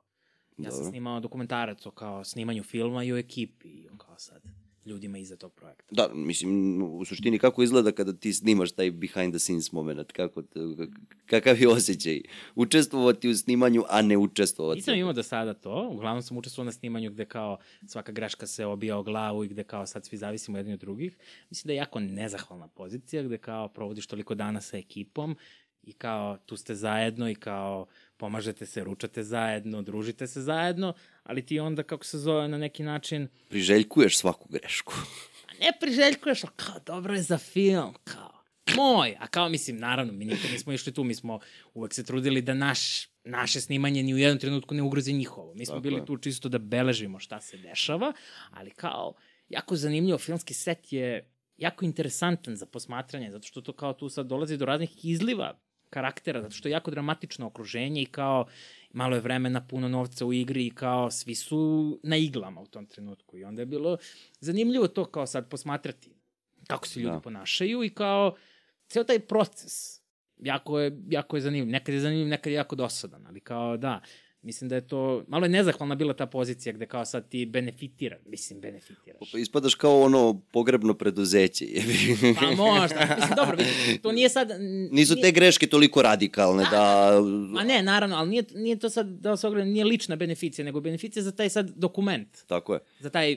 Kad ovaj film gubi, ovaj dobije, jebi ga, pa da, i obrnuto. da, da, ali mislim, nijedan film na kraju nije izgubio sve kao super Jer je odrađeno. uvek greška sastavni deo filma. Mislim, naravno, mislim i kao problemi, svađe, sve to se dešava. Mislim da je tu problem kao da to sad ne znam koliko ljudi kao m, mm, su svesni tih nekih stvari, koliko je film, jer kao ti kad praviš film, ti praviš neku simulaciju života. Da. E, kako... Svi problemi života ti se javljaju. Dao si mi odličan šlagvort, sledeće pitanje, a to je bilo kako izgleda nastajanje filma od njegovog samog početka, odnosno od predprodukcije, do postprodukcije i do momenta dok ga mi ne vidimo tako kako jeste. Uf, pa izgleda pakleno. U suštini mora mnogo da se radi. Mora mnogo da. ljudi mnogo da radi i da bi to bilo dobro, mora mnogo ljudi mnogo dobro da radi. Tako je. I kao na neki način, ono što ja volim tu kod filma što je kolektivna stvar i što si uvek sad okružen si ljudima i kao zajedno sarađujete, nadograđujete da, da. ideje jedni drugima i kao razvijate to. Da. To mislim da je jako, jako zanimljivo, mislim. Mislim, ajde ovako da kažemo, dobiješ scenariju. Dobro. Znači, nećemo ulaziti u taj moment, to ću već pričati sa nekim dramaturgom o tome kako nastaje pisanje scenarija. Ali ti dobiješ gotov scenariju ili ti napišeš. Ili sa veštačkom inteligencijom. Recimo. AI, AI, AI će svuda da se probije do sad, za sad. Da, okej. Okay uh, izbeći ćemo tu temu. Uh, dobiješ određeni tekst ili ti napišeš određeni tekst, da zavisi. Ja znam da si ti osoba koja voli da piše, da tako reći, srpski Tarantino. I, ajde da napravim blagu digresiju pa ću se vratiti na ovo. Šta misliš o njegovom onom zadnjem filmu? Tarantino? Da. Poslednji je Once Upon a Time in Hollywood. Jest. E, gledao sam ga samo jednom i nisam, bilo sam ga u bioskopu, nije mi se baš, nije mi baš legao, na neki, malo mi je bio neukusan. Dobro ne znam zašto, ja redko, redko mi je bilo šta neukusno. Čudno je da je tebi bilo šta uopšte neukusno. A znam, iskreno, kao ja, širokih sam shvatanja i ukusa, ali kao da, nekako mi je bilo malo to, zato što je na neki način kao to. Promenio istoriju. Nema sad problem sa menjanjem istorijom, ali istorija, ali kao to su opet neki sad živi ljudi nekako. Da li to isto mišljenje misliš i za njegov film kada ubija Hitlera u bioskopu? Pa ne. A to ti nije bilo neukusno. ne, ne, ne, ne. To mi je bilo zato što kao taj film je ceo postavljen kao, ono, ajde ubijemo Hitlera. Tako je, tako A, je. I mislim onako jako, nije mi tu smetalo, nije meni problem tu sad faktografski. Nije ono kao Tarantinova uloga Boga u celokupnoj toj osoba koja menja stvarnost, odnosno nešto što se dogodilo. A da, i mislim da nije problem u samom menjanju stvarnosti, nego nekako kao sad toj, ne, ne znam, pornografiji i nasilja koja mi je tu kao, opet nemam problem, imam možda par filmova koje sam gledao, koji su bili kao ekstremno nasilni, da me kao nešto sad ali kao nemam nikakav problem Misliš u pornografija nasilja samo u tom filmu ili generalno? Ne, ne, u tom. U Dobro. tom, jer kao u drugim filmovima mi nije smetalo. Da. Zato što da. nekako kao ovde mi je nekako malo, bilo mi je malo neukusno. Bilo je nametnuto. Uh, ti imaš dva i po sata, vidi prelep Hollywood, vidi uh, vozim se u kolima, dižem prljava stopala i dižem mišku sa koja je dlakava, razumem. Aj to, mislim da je malo kao to, sad neko preveliko uživanje, ne znam, mislim, da hoću opet da ga gledam, možda kao promeni se, ja uvek filmovima dajem kao, mislim, ja malo sam ono, na prvu loptu budem često ono, na, na, na, na, Ali kao, ono, davam filmovima uvek šansu, pogledam ih i dva i tri puta, kao, često mi se promeni mišljenje i to volim da, kao, E, i dobro, sad da se vratimo na prvu temu. Dobiješ određeni scenario, pročitaš i rešiš ovo se snima. dobro? Šta ide dalje? Prvo, ko će to da plati? Što je logično. Ko će to da plati? Odakle meni pare za ovo? Ko će to da plati? Mislim, to je kao osnovni problem. Jer kao film, zato je film najnezahvalniji od svih umetnosti. Jer, kao, Jer je skupo ko sam đavo. O, e pa evo, više koštalo Indice da, više koštalo Nolana da napravi Interstellar, nego što je koštalo Indiju da kao pošalje ljude na mesec. Ali realno, da. Da, da, zato što, Jer- da se vratim na ono što sam malo pre pričao, ti kao, kad praviš film, stvaraš jednu simulaciju života. I Tako onda je. kao dobiješ sve probleme. Evo, na primjer, evo, ovaj mikrofon. Sad nemam pojma da, da je on popušten i da on pada. To je sad problem nekog života. Tako sad ti u filmu, kad praviš film, imaš isti taj problem. A imaš problem i u ovom zglobu, imaš problem i sa ovim i sa onim i kao ljudi neki problema i kao ti sad moraš, evo, pravimo film, moraš sve ovo da nabaviš, da staviš ovde gde treba na svoje mesto. Tako je. Kao ima... Ali e, ono što ja za ovaj podcast ovo nabavim i koristim konstantno. A ti za film, Da, za film ovo to. moraš da nabaviš da iskoristiš jednom i možda ga nikad više ne vidiš u životu. Da, da, da, da, da. Razumeš? Znači, e, a, kako izgleda to, već sad ulazimo u produkcijski posao koji ne bi trebalo da bude rediteljski, reditelj bi trebao da, jel ti kao reditelj praviš spisak i daš ovako producentu i kažeš nabavi mi. Ili, Pa, mislim sad ne, to u suštini sad zavisi u suštini. Asistent režije pravi, kako se zove, spisak rekvizita. pravi razradu, razradu scenarija i onda kao po lokacijama, po, po... Jer ti imaš i lokacije koje se plaćaju. Ne možeš ti da, se pojaviš, ne znam, bilo gde i da snimaš bilo kad. A naravno, da, mislim, kao sve. To su sve zahtevne stvari o kojima mora da se razmišlja. I oko ima, mno, ima mnogo faktora, to nije sad ne doći, nego gde parkirati tri kombija, sva Tako je. ostala vozila, kapiraš, mnogo, sad zavisi naravno od veličine, veličine projekta i kao produkcijskih zamisli, ali kao to je jedan sad, ono, baš, baš nezgodan posao. Tako kao je. zahteva mnogo rada i mnogo vremena. Jer kao to je posao ono minimum 12 sati. Srećan si ako je 12 sati, a nije 14, nije 16. Da. To je ono što su pričali neki profesi, mislim, glumci koji glume na setu. Kažu, ljudi romantizuju taj njihov posao. Taj njihov posao se sastoji od toga da ti dođeš ujutru u sedam, šminkaš se tri sata i izađeš uveče u sedam. I snimaš o, od tih devet, odnosno dođeš u pola sedam, sni, šminka se lupam pola sata, krećeš u sedam, završavaš od sedam. A zaboravio se da spomeneš skidanje posle teško. I tako je, da. A od tih 12 sati, on ukupno snima možda dva. Pa, Sve to- to- ostalo sedi i čeka. Čeka, I da. čeka. I čeka. I film se, odnosno sve se to svodi samo na čekanje. Pa da, da, da. Mislim i tako za sve ljude, jer kao uvek se nešto čeka. Tako Kao ne može da se nastavi jedan deo dok se drugi ne, ne odradi. Tako je. Meni je jedan uh, prijatelj uh, iz drugog amaterskog pozorišta pričao, pošto je on bio u prvim koracima kod Glogovca u toj nekoj klasi i uh, njima je Glogovac uh, dozvolio da dođu na snimanje Nemanjića, ovo zadnje, gde su oni imali komplikaciju na snimanju. Taj dan je trebao da snima Glogovac i on je sedeo i čekao jedno 8-9 sati i oni su mu samo došli i rekli ja se izvinjam gospodine, ali mi nećemo uspeti da snimimo vašu scenu danas. I on samo skinuo, pokupio se i otišao. Pa dobro, mislim, kao plaćen je za to, to je radni dan. Tako je, on je dobio snimajući dan, nije tu ništa sporno. Jebi ga razumeš? to što je sad, mislim, dešava se. Tako nekad, je. nekad stvarno ne znaš, jer kao nekad misliš da ti neko treba, kao siguran se da ti treba, ali jebi ga, zakomplikuju se stvari. To- Ali kao, mislim, to je sad u nekom kao profesionalnom smislu kad je plaćeno, jebi ga. Tako je, Mislim, to, on je dobio tu dnevnicu. to je ono što je meni pričao jedan uh, čovek koji se bavio castingom i sad tu je trebala da bude glumica koja, koja će morati da se skine u kadru. Gde je ona došla na casting i on je njoj rekao skini se. I ona mora se Strašno. skine. To sad zvuči perverzno, razumeš, i bolesno, ali on meni objašnjava to na nivou ovakvom. Ona ako ne može sad da se skine predamnom, ona treba da uđe u kadar, da se skine gola, gde će svi da je vide, razumeš? Pa mislim, to je baš mm, jako problematično. Tako je, ali to je problematično na svim nivoima. Pa ne, ali mislim da tim stvarima se pristupa sa malo više kao... mm, Ne, Dobro, nije on njoj bukvalno rekao skini se. Da se ne lažemo. Nije, Pa ne, ali to zato... je, to je veliki problem, mislim, kao... mislim, kod, evo, šta se sve dešavalo, mislim, kao, prethodne Strašno. godine kod nas, kao, Tako nije, je. mislim da te stvari, kao, ne, ne može tako da se pristupa. Tako je. I to nije sad stvar kao šta, ako sad ne možeš da se skineš pred nama, nećeš moći da se skineš na setu. Mislim, Ali to, mislim, a, ajde da kažemo, to, to su to su amaterske stvari, to odmah ti jasno u kojoj se produkciji tu radi, jer nijedan, nijedna osoba koja se bavi profesionalno dramskim umetnostima, odnosno nijedna glumica ili glumac, neće imati problem sa tim. Osim ako on decidno ne naglasi, e, ja ne želim da se skidam pred kamerom. Dobro, ne znam, mislim, kao imaju... Imaš ljudi koji su... E, ima ljudi koji imaju te, u to ugovoru i onda Tako se je. koriste za njih dubleri, kao, mislim, to je sad stvar slobodnog izbora. Tako je. I kao neko hoće, neko neće, neko ima problem, neko nema i to je sad sve zavisi kao od, od drugih stvari. Mislim, te sve stvari se rešavaju ugovorima. To je problem kod nas, zašto nemamo tu kulturu Tako je. ugovora dovoljno Tako je. dobru, gde kao sad, mislim, tačno stoji sve.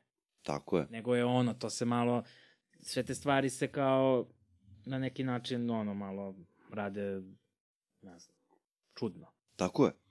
I sad, uh, ti dolaziš u suštini, moraš da obezbediš pare za sve to. Razumeš? Onda dolazi razrada priče, odnosno casting, gde biraš ljude koji će tu da igraju u tom filmu. Kako otprilike izgleda tvoj odabir glumaca ili bilo čiji odabir? Da li to po nekim ličnim, ličnim preferencama? Što se, na primjer, kod nekih reditelja i može videti, tipa da Šotra ima svoju grupu glumaca, da ova ima svoju grupu glumaca, da svako ima određenu grupu koju zove, Bjelogrlić svoje glumce, Pa ne znam, mislim, sad ne mogu da govorim u iz tuđe ime. U tuđe ime i iz tuđeg iskustva, kao, mislim, ne znam sad, ima tu mnogo faktora. Kao. Mislim, ono, najveći problemi sa kojima sam se ja susretao, lično, na svim mojim studentskim projektima koje sam radio, je to što si sad, ti si student i kao ti ne možeš da platiš glumca. Tako je. I onda kao, mislim, jako lepa stvar kod Srbije i toga kod nas je zato što su, postoji ta kultura gde su kao glumci okej s tim. Gde kao nije, ne, ne samo okej, nego su kao uvek spremni da ti izađu u susret, da ti pomognu, da kao igraju u tvom filmu. Da, Kao gde to nije sad da se gleda kroz pare ili kao kroz bilo šta, nego to je onako baš jedna čista i lepa kolegija, kolegijalnost.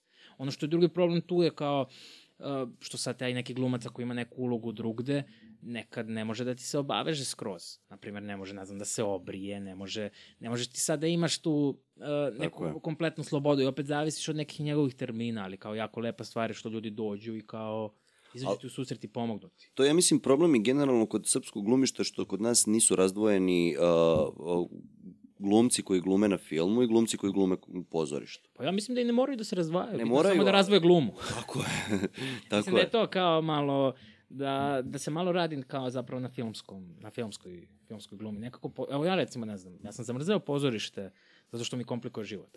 Da, da. U smislu kao sad, evo ne znam, To, to, to se ja sećam da sam... snimanja se prekidaju nekad. Da glumci odu da odrade predstavu i da se vrate. Da. Zašto? E, opet treba postaviti to pitanje. Problem tu je, mislim, glumci ne mogu da žive Tako je. da, da, samo od toga. Zato moraju, brate, da se kide. Misliš da oni vole da kao Pa, sad... da, da oni provode os- 18 sati dnevno snimajući i onda idu uveče i odigraju predstavu. Ili usred posle. ovog posla kao idu igraju predstavu pa se ne nego problem je zato što kao ne mogu dovoljno ne mogu da žive, to nije sad stvar neke pohlepe, stvar je samo života kao. O, osnovnih egzistencijalnih potreba. Da, da, mislim. To kao mislim u svetu ti imaš ugovore, mislim ti sad kao kad snimaš nekim kao nema nema sad e, Tako je, ne možeš ti meni da dođeš i snimaš, kao snimamo ovde ovo, jer ti za svaku ulogu u suštini treba da imaš i određen fizički izgled, to tako kažem. Razumeš šta hoću A ti? da, ako nas to ne može. Jer kao, ne znam, ti imaš sad, zato što glumci mno, rade na mnogo različitih stvari i onda kao, e, ne znam, za ovde mora da bude ovako građen, mislim, ne, ne postoji to ta transformacija. Da, ti nemaš ono moment kao kod Kristijana Bejla koji je u tri različite uloge u 3-4 godine imao tri totalno različite uh, Da, fizionomije. fizionomije. A to je opet stvar materijalnog. Tako kao je. pitanja. E, Pitanje toga zapravo novca. Ne, kao, ne možeš ti sad očekuješ od, e, od bilo kog glumca kod nas. Kao da nema, mislim, Tako okej, možeš ako ga platiš, ali kao ti nikad ne možeš da nađeš toliki budžet da, Da ti možeš taj da njega čovek- platiš da on dve godine ne radi ništa osim tog filma. Apsolutno. Razumeš, ti imaš u Hollywoodu, uh, lupam, Brad Pitt snimi sad film pa snimi tek sledeći za dve, tri godine. Pa da. Jer on dobije pare za pripremu tog filma. E, to je ono što se kod nas uopšte kao, ne postoji pare za pripremu. Ja sam Kao čuo da je... Najveći, najveći posao i to Tako baš je. za svaku, svaku profesiju unutar filma. Glogovac je imao tu, snimao je Huddersfield, uh, gde je glumio taj lik Ivana, je li tako? Ne sećam se. Ne mogu da se setiti, ja mislim da je Ivan. Uh, ako grešim, ispravit će me, sigurno. I sad, uh, Glogovac je imao tu situaciju da je on za tu predstavu, pošto to, uh, taj film snimljen po predstavi, da je on za tu predstavu išao dugo u, u, u inst- mental, inst- institucije za mentalno zdravlje i istraživao ljude koji se, kako se tu kreću, kako se ponašaju, o čemu razmišljaju, pričao sa njima i on je taj lik spremio, naravno o svom trošku. Pa naravno. Razumeš? Znači nije, nije ga niko platio za tako nešto. I uh, da je on taj lik odigrao perfektno. Zbog dobre pripreme. Pa ni, mislim, ne samo, ne treba to nazvati priprema, to je rad. Rad, zbog Kao rada na liku. rad. Tako je, ali to, to je rad na liku. On je radio na svom liku. To je jako nezahvalna stvar. Evo ti recimo možda vidiš nekog glumca koji na setu kao sad ne znam nešto se malo zajebava ovo ono kao nije, ne izgleda kao da je tu, a onda stane pred kameru, I samo u Kao- sekundi. on je neko drugi. I kao, i onda to vide možda mlađe kolege ili neko, pa misle da treba tako, ne, ali kao, ono što ne vide je da kao iza toga stoji ogroman rad. Tako to je jedna je. italijanska reč za to, zove se, mislim, sprecatura, gde kao uh, ti veština, uh, tvoja veština je toliko velika da deluje spontano. Tako je. I kao, stvar u tome je kao, mislim, svako treba da teži ka tome u, u svom zanatu, u Tako je. svemu, zato što kao, to je ogroman rad. Pa sve one stvari koje izgledaju jako jednostavno kada ih neko radi, ti znaš po automatizmu da veliki trud stoji iza svega Da, toga. to je ogroman, ogroman, Razumeš? ogroman rad. Znači, on je sto puta stao ispred te kamere, fokusiran, koncentrisan, da je, on, da je ta, vreme za taj njegov fokus se svelo da ne mora ni da postoji više. Pa da, da, ali to je recimo, pogotovo u dramskim um- umetnostima je to kao malo sad čudno. Jer kao ovde svi očekuju sad, ono, ne znam, ti napišeš scenariju, ti ćeš odjednom da postaneš kao vrhunski scenarista, vrhunski glumac, vrhunski Tako reditelj. Mislim da uh, najbolji način za posmatranje kao svake umetnosti je možda kroz vajarstvo. Gde kao ti imaš taj određeni spoj uh, zanata i kreative, odnosno tog tvog autentične ideje Tako i je. stvaranja. Gde kao ti sad stvarno moraš od mermernog bloka da skineš kao Tako je. gomilu kamena da bi došao do svoje figure. Za to ti je potrebno ogromno vreme, ogroman rad i ogromna veština. Tako je. I to je ono na čemu se radi. I ti moraš da potrošiš 150 tih kamenja uzalud, Pa ne možeš baš radiš prvo ima... pa je dobro, radiš prvo lakše forme, pa sve Da, da, komplikovanije ovo, komplikovanije. da. Tako je. Ali ti moraš da dođeš u jednom, evo ja, na primer, daću, davao sam već tu analogiju, ja mislim, u prošlom podcastu, moj prvi, moja prva zbirka poezije je bila katastrofalna. Ja sam to pokušao slao izdavačima, ali naravno nije uspelo. Ja sad iz ove perspektive vidim koliko je katastrofalno. Ali ono što ja vidim jeste napredak. Razlika između prve i druge, koliko je druga bolja od one prve. Pa naravno, mislim da je to kao to ono što ne treba da nikog da obeshrabri, Tako kao je. neuspe. Pa to ono, da- vraćamo za to, ti si osoba koja je dva puta pala na prijemnom. Pa da, A tebe je mnogo više obeshrabrio drugi pad nego taj prvi, jer si ti taj prvi put izašao da padneš. pa manje više, da. Prvi Razumeš? put sam izašao da padnem, a nisam ni bio svestan da sam izašao da padnem. Tako je. I kao, uh, mislim da je to padanje najbolja stvar koja mi se desila ikada. Kao. Mislim Tako da je to dobro za svakoga, jer kao ti ako odustaneš, onda nije ni trebalo da se Tako baviš je. tim, jer čekat ćete mnogo teže stvari. Kao. I onda na neki način mislim da je to jako... Da je to jako bitno. provera neke tvoje istrajnosti upor, i upornosti, a ti si osoba koja je uporna kao vor, razumeš? Ti ideš i pičiš svoju priču do kraja, Pa da, razumeš? I ti, ti sad imaš taj moment, jebi ga, uh, padanja tog, ja se sećam tvog ono nekog emotivnog loma, gde ti nije bilo ni malo sve jedno posle pada na tom. da, da. Mislim, ja za tebi rekao, taj drugi film ja sam gledao, jer su, jer su tu glumili neki ljudi u tom teatru u kom smo mi glumili. Prva stvar, ti si imao ekstremnu, prenaglašenu, facijalnu ekspresiju u tom filmu. Znači, imao si ne pozorišnu glumu, nego dva puta pozorišna gluma. A imao sam, mislim, mislim, imao ništa, sve je bilo loše. Tako je. mislim da kao da... Od scenarija, uh, kadrova, Da. sve, sve je bilo na neki način, priče, sve je bilo loše. Da, da, da. Mislim, i kao, okej. I, ja sam tu na neki način i posumnjao možda u tvoj potencijal, jer sam, jer kao, jebote, jel stvarno Boki misli da je ovaj film dobar film? Znaš, ne znam kakav si ti imao stav o tome, tom trenutku. Pa, fuf. Da li si mogao na nekom, da li si mislio u sebi na neki način, duboko u sebi da nije to to? Pa ne, naravno sam mislio da je dobro, svako misli da je dobro. Kao niko ne ide, niko ne ide sa ciljem da napravi loš film. Tako je. Mislim da je tu potrebno sad neko vreme i kao neka određena... Vremenska distanca. I Da bi... distanca i doza samokritičnosti da ti možda pristupiš svom radu i da ga odvojiš od sebe. Da kao, ok, ovo je možda loše i kao, ali to Meni nisam je- ja, ja nisam svoj rad. Tako je. Ja sam ja i ja kreiram svoj rad i moj rad ima pravo da bude i loš i ovakav Tako i onakav, kao to sad ne unižava mene kao čoveka, kao Tako osobu, je. kao to jednostavno, ok, nisam dobro uradio. Tako je. Mislim, kao ne znam, kad krečiš, brate. Pa to je ono kao digresija opet na onu Barbie. To što je ono snimljen taj loš film, okej, to je sasvim u redu. Svi snimaju, svi mogu da snime loš film. I Kusturica ima loš film. Naravno, Svi imaju loš film. lako je. Mnogo, mislim, Mnogo je lakše snimiti loš film nego dobar. koliko i, i lak film, i najlakši film, i najgori film na svetu je kao preteško snimiti. Tako je. Ti ljudi isto rade kao 14 sati, kidaju se, lome se oko istih stvari. Ali, ali imaš deset stvari koje ne štimaju i ti si dobio loš film. Pa da. Nije Kao to nije- više stvar ni kao sad, e, mi smo snimili... Pa da, mislim, svi ti ljudi su se trudili, dali su svoj maksimum, ali jednostavno nešto nije profunkcionisalo i onda to je uvijek malo kocka. Ti najveći treš na svetu je morao da prođe snimanje od 14 sati. Možda i više ako taj film ima određeni vremenski rok koji je manji. Ma da, mislim, nema, nema, nema pravila i kao jedna stvar je, mislim, ono sad, raditi i kao stvarati nešto vrhunsko. Mislim da je kao uh, jako bitna stvar da ljudi rade, jer kao ti samo kroz rad možeš da... I ti si sad sakupio iskustva iz dva pada, tako reći, a, gde si ti, koliko ja znam, za prvo padanje, taj film kad ti je pao u vodu snimio neki drugi naknadni film. A, ne, ja sam zapravo taj sa kojim sam izašao snimio ranije, pa sam onda hteo da snimam ovaj s koji ću izaći, pa mi je pao u vodu, pa sam dao ovaj ranije kao čisto da izađem. Da. I onda se desi to što se desilo sa tom drugim, drugi put. Ja se sjećam da si ti imao neke momente da ono sad se posvećujem sebi, sledeći godinu dana si ti u tom trenutku završio srednju školu Da, da. i ti praviš godinu dana pauze, radio si nešto na brodogradilištu A negde. da, da, na brodogradilištu sam radio, to je ono, jako bitan deo. E, izvini, možemo sad napraviti jednu malu pauzu, moram... Evo nas posle, kako se zove, pauze za jedno pišanje i jedno brzinske cigare, kako se zove, ako vidite ovde dim, to nije bila dimna mašina. A, vraćamo se tamo dokle smo stajali, a to je tvoj rad na brodogradilištu.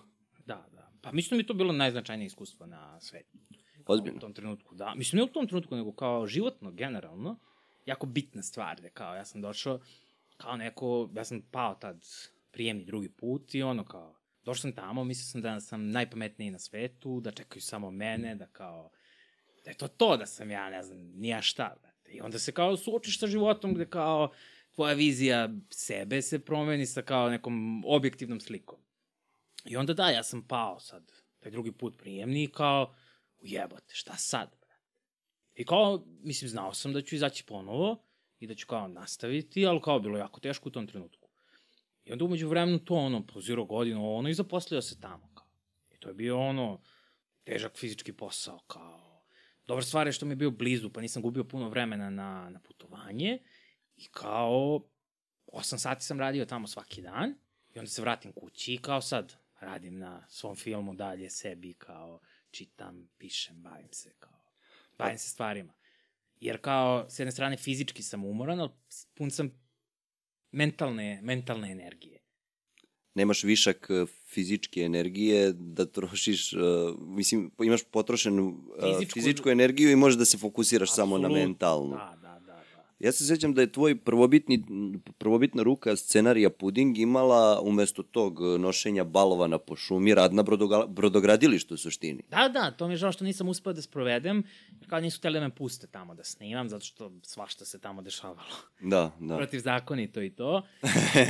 I kao da, nisu, nisu me pustili tamo, ja sam hteo prvobitno to da imam tu zapravo celu liniju i ono, nam se da ću imati nekad u nekom trenutku u nekom od filmova kao bila mi je, bilo mi je jako bitno iskustvo gde sam kao sad došao skroz neko kao drugi svet koji nisam poznavao.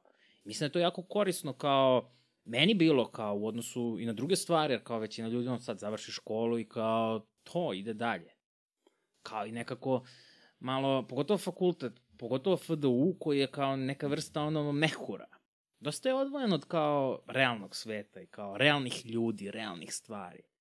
I onda mislim da mi je to bilo jako, jako korisno zapravo, taj susret sa kao nekim ono jako specifičnim ljudima i kao njihovim sad životima, kao dosta tu ljudi je ono bilo, ljudi bukvalno na dnu svega, kao.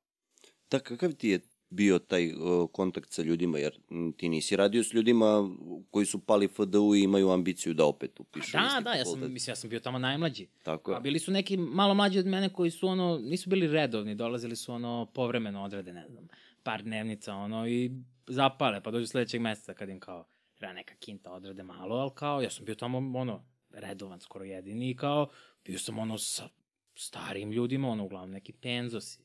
Mhm. Kao, ali mislim, bilo je jako, jako zanimljivo to kao sad. Neki skroz drugi ljudi iz drugog sveta. Kao.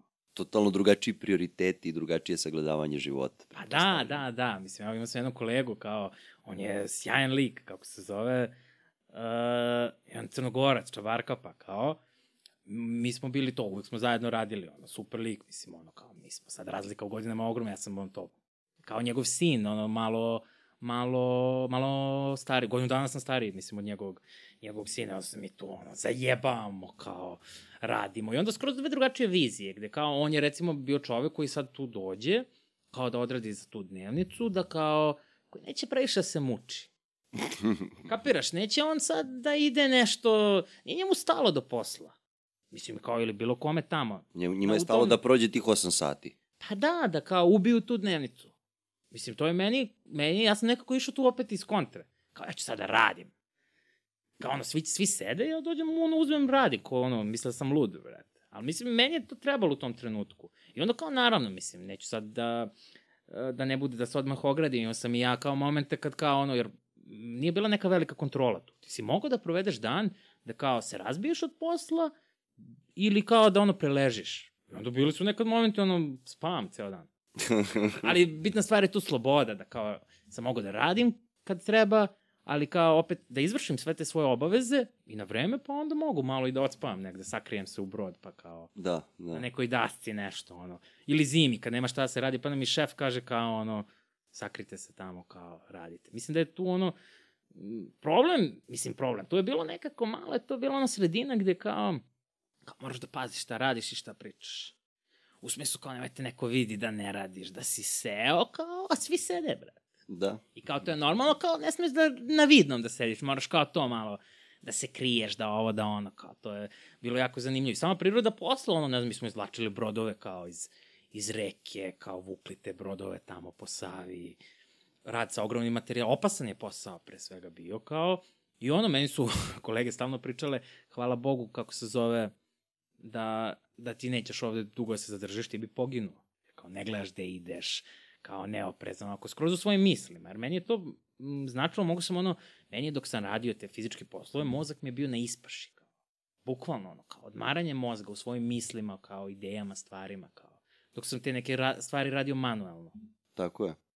Ti imaš taj To- moment da ti se zbog fizičkog rada nekako um raščisti. Pa da, da. I nemaš snage da mnogo promišljaš, nego prosto ti prioriteti sami Pa nadolaze. da, i meni tamo, ok, ja sam tamo radio, meni nije bilo stalo do posla, meni je stalo do rada. Da. Kapiraš? Mene bolo kurac za posao, brate. Da li će sad oni njima da kao, to što sam ja uradio, da li će doneti benefit. Ja sam tamo radio često potpuno besmislene poslove. Naprimjer, par meseci smo imali uh, zid broda, kako ima dve strane. Onda imaš tu jednu rupu koja je možda metar i po Dobro. primer, i koja je duboka jedno, ne znam, 3-4 metra. Ja siđem dole i ovako oslonim se leđima i nogama od dva zida i kao sad stojim tu, nekako kao lebdim, a dole je voda. Imam kao onu jednu štek lampu i sad isečeno parče flaše i sa njim skupljam tu vodu od ozdo i punim kantu. I ko, taj kolega vuče gore kantu i prosipa tu vodu dalje. I kao ja radim ceo dan, ta voda se ne pomeri ni kao ni milimetar. Kao radi mesec dana, voda se pomeri kao, ne znam, par centimetara, to ide skroz tamo nešto u dubinu, kao u pičku lepu materinu. I onda kao, potpuno besmislen posao. Tako, kao meni nije- posao. totalno. Apsolutno, da, da, da. A meni to nije bilo stvar posla, nego rada. Kao ja sad radit ću ovaj zadatak 8 sati. Jer mislim da je to bila jedna od mojih mana ranije, gde kao nisam imao to dobar taj odnos prema radu i prema kao obavezi.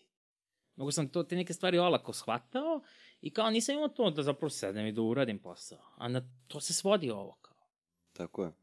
Mislim, bilo koja umetnost, to nije sad ono šala la la la, to je kao sediš i radiš, brate. Kao, moraš Tako je. da, moraš puno da radiš i kao da bi bilo šta uradio, kao potrebno je stvarno ogroman rada. Pogotovo da bi napredovo, moraš kao neprestano da radiš. To je Kristijan Novak, na primjer, pričao, pošto on kaže njegov neki vremenski period za pisanje knjige je oko četiri godine, gde se pisanje svodi na dve godine, a dve godine samo istražuje. I Da. to su čitanje različitih literatura, čitanje svega, a, članaka, razgovor sa ljudima u zavisnosti od toga koju temu želi da obradi u tom delu. Tako ti je isto i sa svim, svakom granom umetnosti. Da, da, da, apsolutno, kao. Znaš, ne možeš, koliko god recimo pesma bila krat, kratak format, ti imaš uh, 4-5 rečenica, ali to su 4-5 promišljenih rečenica koje zajedno moraju da imaju smisla. Pa da, da, da. Mislim i tu iza toga stoji ogromno izučavanje jezika i kao poznavanja Tako. i samih reči, sklopova, tehnika, mislim. To je nešto, ono, umetno se baš sastoji iz toga kao da imaš zanatsku komponentu i idejnu. Tako. Kao, obe moraju da budu kao dobre. Bitnije je uvek ta idejna gde kao slabiji zanat uvek će da iskupi velika ideja, ali kao jedno i drugo je podjednako bitno. Da. Sad ti si naišao, na primjer, kad smo već kod pesme sa tim proble- problematikom, uh, krat, kratkometražni film. Ti moraš da snimiš film koji traje za prijemni maksimalno desetak minuta. 10 minuta, da. To, to, Tako je. I ti treba kompletnu priču sa uvodom, razradom i zaključkom da smestiš u 10 minuta. To se deluje jednostavnije nego sastaviti du dugometražni film. Ali ti u dugometražnom filmu imaš vremena da razradiš i radnju i lik. Pa da, ali nekako dobra stvar kod kratkog filma, mislim, ne znam sad, možda će neko me obesi za ovo, ali kao, ja krat, na kratki film gledam kao, u suštini, samo vežbu i samo kao, manji prostor da se ti vežbaš da kao praviš stvarno prave filmove. Kao. Ne mislim sad, naravno ima sad raznih kratkih filmova koji su kao, koji baš to, kratka forma i koji su genijalni u tome i koji kao, ono stvarno ne funkcionišu kao dugi filmovi. Ali kao ono što sam ja uvek pokušavao je kao i način na koji sam gledao, to je sad okej, ja sad na malom pokušavam da savladam veliko. I kao dosta pomogne, zato što ti kroz to kratko prođeš u suštini kroz 90% problema kroz koje ćeš proći i sa dugim. Samo što je kao u manjem vremenskom periodu i kao nije, nije, nisu toliki ulozi. Tako je, priprema ne traje godinu dana, nego traje dva meseca i snimanje ne traje tri meseca, nego traje šest dana. Pa da, da, ali stvar samo principa. Kao. Tako je, isti je princip, samo je vremenski period. Pa da, da, pomažu ti, mislim da pronađeš i tu i svoje neke priče, ideje kao čime hoćeš da se baviš i da pronađeš tu neku svoju metodologiju rada. I svoj neki izraz. Apsolutno, da. Tako da kao, to je jako, jako bitno bilo, jer kao prođeš, prođeš kroz sve stvari koje ti trebaju. I kao učiš. I onda kao, nema pot, ne treba ti sad da snimaš odmah dugi film. Tako je. Pa to, to ti ono kao većina pisaca je pre nego što je krenula piše romane, pisala poeziju Pa da, ili kratke priče. ili kratke priče. Mislim, uh, ja gledam po sebi, meni bi suludo bilo da se ja sad latim za pisanje romana kad ja se još uvek borim sa pesmom ili sa pričom kratko. Pa da, dobro, ali opet to drugačije su opet to- vrste izraza, mnogo različitije od kratkog i dugog filma. Tako je, ali to je ono što je meni rekao, na primjer, Gradimir Stojković. Uh, uh, on je pisao Hajduku, Hajduku Beogradu. Dečiji pisac. On je meni rekao, ako ti umeš da napišeš kratku priču, ti nemaš onda nikakav problem sa romanom. Da. Znaš, ali to ti je stvar ono što ti kažeš tehnike i vežbe, izučavanja sobstvenog izraza, vežbe zanata, jer da bi zanat bio dobar ti moraš da ga ponoviš nekoliko puta, nekoliko stotina puta. Pa da, i ti da bi sad recimo napisao roman, kao ti moraš da sedneš i da pišeš kao Tako je, koliko dana, po koliko sati. tako Kao, je. to nije sad samo ti imaš dobru ideju ili kao ti znaš da napraviš određenu vrstu konstrukcije rečenice kod koji će kao da ono spadaju u šeširi sa glava, brate. Ne, nego ti moraš, brate, da, da bi kao napisao tih, ne znam, 100-200 stranica, kao ti moraš ono dugo da sediš i da pišeš. I onda Tako je jako bitna stvar tu kao rad. Tako je, ako, ako uzmemo u obzir da ti mora, da treba napišeš roman od 200 strana, teško je napisati stranu dnevno. Ti uzmeš, onda da ti moraš da pišeš 200 dana. Ali to ti onda tek napisana prva ruka. Pa Pa dobro, za moje standarde je malo strana dnevno. Pa, za moje stan- standarde bi bilo malo, ali da kažemo pet strana dnevno. da, to je, Razumeš? da, da, ali opet, mislim, to je samo stvar redovnosti. Tako je. Ali ti, ako ti ćeš početi sa tom jednom stranom dnevno, ali ako sutradan opet sedneš, ti ćeš onda napisati dva reda više.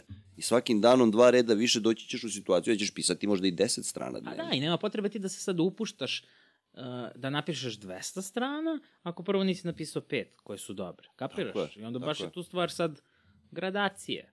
Tako je. Da kao sad kreneš od manjeg ka većem. I to, zato mislim da je kratki film jako dobar, kao baš to priprema i pronalaženje izraza. Da. Jer kao možeš za male pare da kao sad snimiš kratki film, ne treba ti ništa, treba ti ono kamera i drugari, brate. Tako U samom početku, posle to kao... Posle se to diže na neki veći, veći Pa nivo. da, da, ono razvija se sad, zavisi, mislim. Dobra stvar kod našeg fakulteta je to što kao dati svoje ime i dati kao sad neki pristup nekim stvarima kojima inače ne bi imao. Da. I dobro, ti snimaš film Puding, to ti je prvi taj film sa kojim si uspeo da upišeš Da, da. FDU u kom sam ja, tako reći, glumio.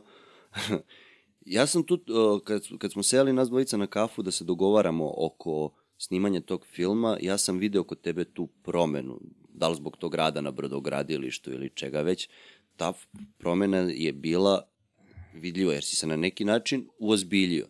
Da, jesi ti dalje u nekim situacijama poprilično lucidan, ali je to postalo u iskazivanju sobstvenih stavova i u sobstvenoj satiričnom mm, odnosu sa nekim stvarima. Pa ne, evo recimo, na primjer, mislim i dan danas kao ja ne shvatam sebe ozbiljno i kao nemam to, ne shvatam stvari ozbiljno, ali ono što shvatam ozbiljno je rad. Tako je. I kao to je sad okej. Okay. Ti si u suštini promenio odnos prema radu. Ti si A se da, ozbiljno posvetio tom scenariju. Dokle god to u pozorištu je ono bilo, a zajebavamo se dok da, radimo ne, ne na samo liku. scenariju, nego radu kompletno. Tako je, god tako da je. se bavim kao. Tako je.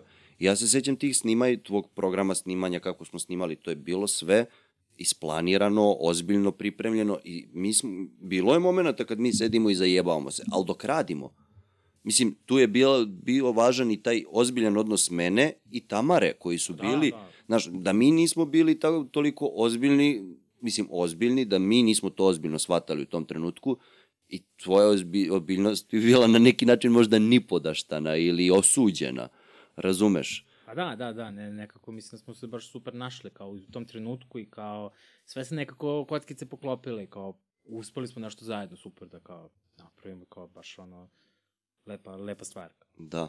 Baš je bilo za mene jedno prelepo iskustvo, iskreno. Neću sad ulaziti u to u kvalitete tog filma za mene. Taj film sam po sebi kvalitetan. Ja ne mogu sub, objektivno da ga sagledam i kažem, e, ovaj film je fenomenalan ili ovaj film ima ovo dobro ili ovo loše. Pa da, teško. Mislim da kao, ono sad na neki objektivan način, kao, to je sad onako malo kao.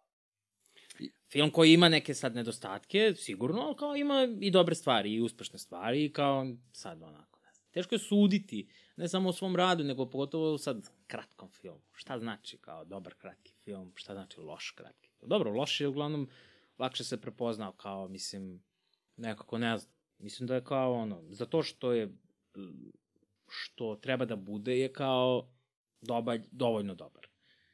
Nije sad kao... Da, i ti sa tim uh, filmom u, u, upadaš na fakultet. Prolaziš sve ono, naravno test opšte informisanosti prolaziš ovako. To si svake godine položio, je li tako? Ma da. Tako da a, do, dolaziš do toga, do, do, dobio si pohvalu u suštini od, za tvoju analizu filma. Onog film, ne tvog filma, nego posle testa opšte kulture, a, koji ste film analizirali te godine? Da li se sećaš uopšte? A, mislim da je bilo Ivanovo detinstvo od Tarkovskog. Od Tarkovskog? Da, da, da.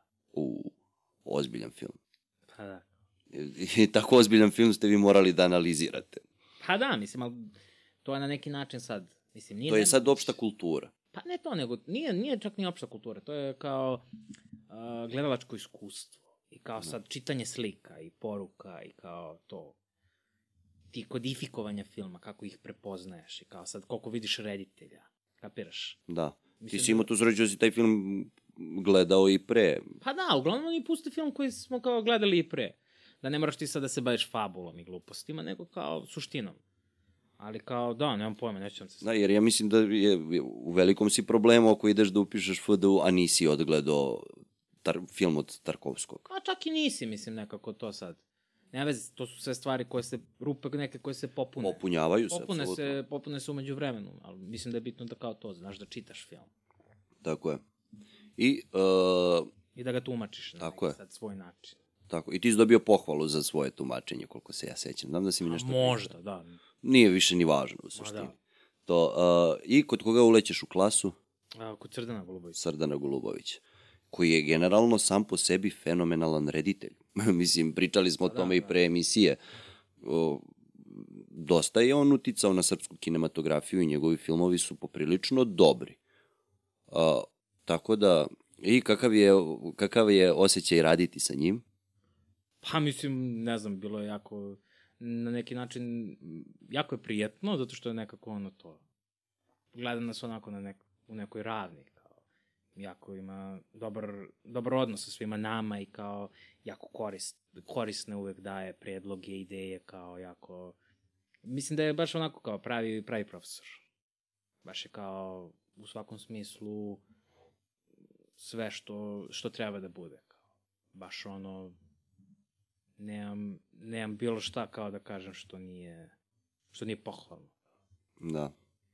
I uh, tu u suštini krećeš sa uh, time da morate da snimate i jebi ga zadatke, filmske vežbe, odnosno redit, rediteljske vežbe koje dobijate, snimaš ispitne filmove.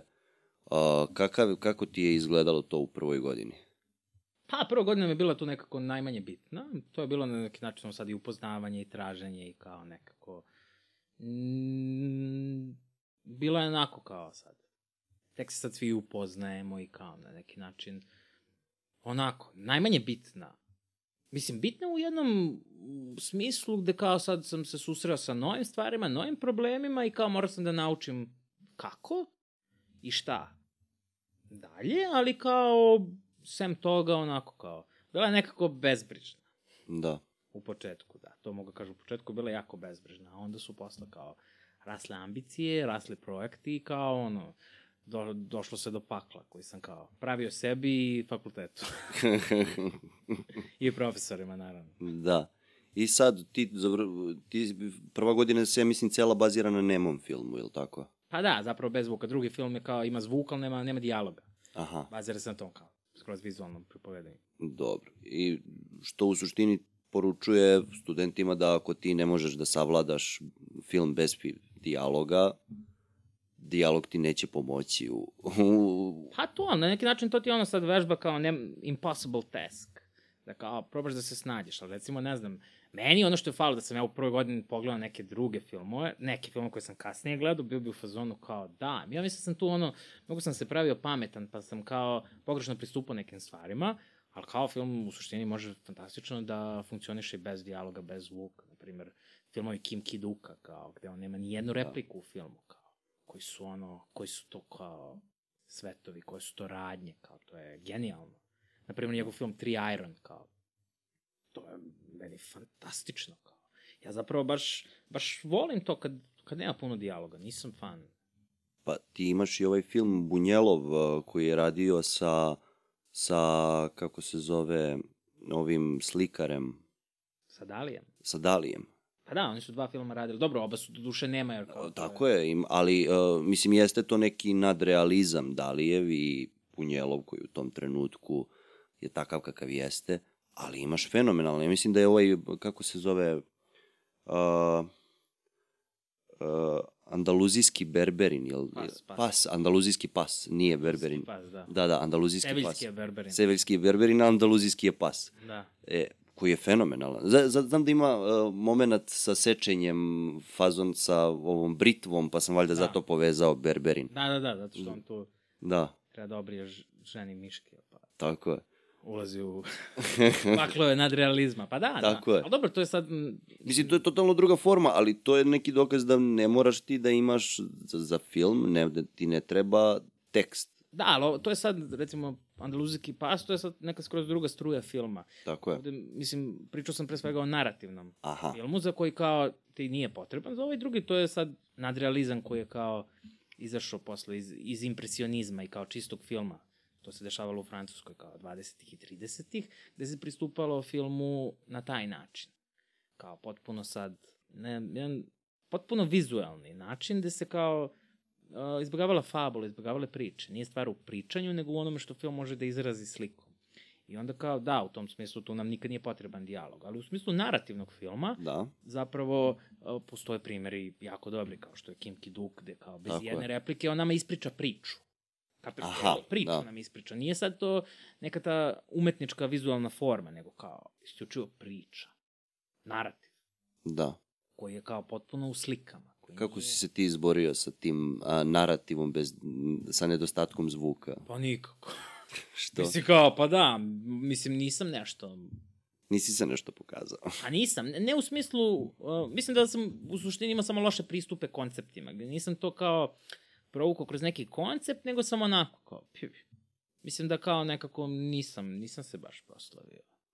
I dolaziš u drugu godinu, kako, kako izgleda studiranje u drugoj godini? U suštini, kakvi su filmovi? Tad, tad imaš mogućnost da koristiš dijaloge. Pa da, da, tad dobijamo dijaloge i kao tad se bavimo u suštini uh, prostorom i kao sad kadriranjem tri osobe dok pričaju, to, to je takav vežba, tri lice za stolom. A koji si tad film sn- snimio? A to je bio ovaj ni na, Ni na nebu, nebu. ni na zemlji, da. Verovatno najambicioznija tri lice za stolom. Što? pa zato što je kao, ne znam, mislim to je vežba za koju dobijamo budžet kao, ne znam, 4000 dinara i kao, ne znam, to je kao, nemojte ni da snimate film, nego kao, to je vežba, nije film. Taj neki pristup, svi pristupe kao film, brate, i onda kao, ne znam, meni taj film koštuje, koštuje na kraju nešto oko 2000 evra, to je bio poduhvat, kao, sa šinama, sa kao, pravili smo vrata, snimali na dve lokacije, kao, to je bio ono baš ogroman, ogroman produkcijski kao zahvat, i kao, mnogo sam naučio iz toga, kao, baš je bilo, baš sam prvi put zapravo bavio se filmom onako kako treba se baviti film. Ok, rezultat, nije ni bitan rezultat koliko kao ta, to kroz šta sam prošao, da bi kao došao do, do filma, kao. pa dobro, ni rezultat iz tog filma nije izostao. Pa nije, mislim, kao, ima, ima jako dobrih stvari, kako se zove, mislim da ima sad i nekih problema i svega, kao, nije sad, nije, nije savršen i kao nije, mislim, ne sad savršen, ima, ima nekih problema, kao, ali, na, sa druge strane, ima kao nekih super stvari, postupaka, kao, skroz neke atmosfera, mislim da je tu, kao, da smo autentično napravili to nešto, kao. I treći film, treći, treća godina, kako ti je treća godina izgledala? Pa treća godina je onako kao bila najteža kao zapravo. Tu smo imali onaj dokumentarni TV režiju i kao gomilu nekih stvari, mislim.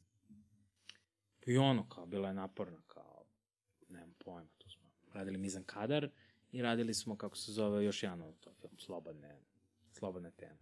Da, ali oni koji nisu nikada glumili ne znaju šta je mizan kadar, to ti je kadar u kontinuitetu, bez Da, da. rezova. Da. A, onaj ko to nije radio ne zna koliko je to teško, ti treba da snimiš u suštini određeni kadar koji traje, ne znam, dva minuta, tri minuta, deset minuta i ti nemaš prostora da snim, da ako se napravi greška ti ne možeš da počneš odavde do ovde, nego Da, da, idemo možeš. sve iz početka. I onda zavisi, ako ti, kadar, ako ti mizan kadar traje 10 minuta, ti ako se u osmom minutu pro pogreši, ti se vraćaš opet na početak. I tako u nedogled, dokle god se ne snimi svih 10 minuta dobro. Da, da. Ono što, u čemu smo mi tu pribegavali, što je kao bila i, bio legitiman postupak tog zadatka, kao stvar iluzija kontinuiteta. Aha. Da ti imaš pravo na rezove, ali ti rezovi moraju da budu nevidljivi. Tako je. I onda kao ono na što sam ponosan tu je kao, a, ja sam to snimio pro telefonom. Da. U suštini bez glumaca, bez ičega, samo putanju tu koja će da se dešava. I napred sam rezao, ja sam odno to uh, profesoru i kao kolegama i kao nisu videli rezove koje sam pravio. Po danu. Uglavnom, po noći su lakše jer kao sečeš u mraku, a u danu je to malo zajebanije. I kao onda da, uspeli smo kao to da, da napravimo tu jako dobru iluziju. Ja kad sam gledao taj film, to je ono što sam mi primetio, jeste da je sve u mizan kadru. Da, da, da. I ja sam baš teo ti kažem, evo te Boki, svaka čast, brate, ti si snimio film od 10 minuta, svaka čast i glumcima.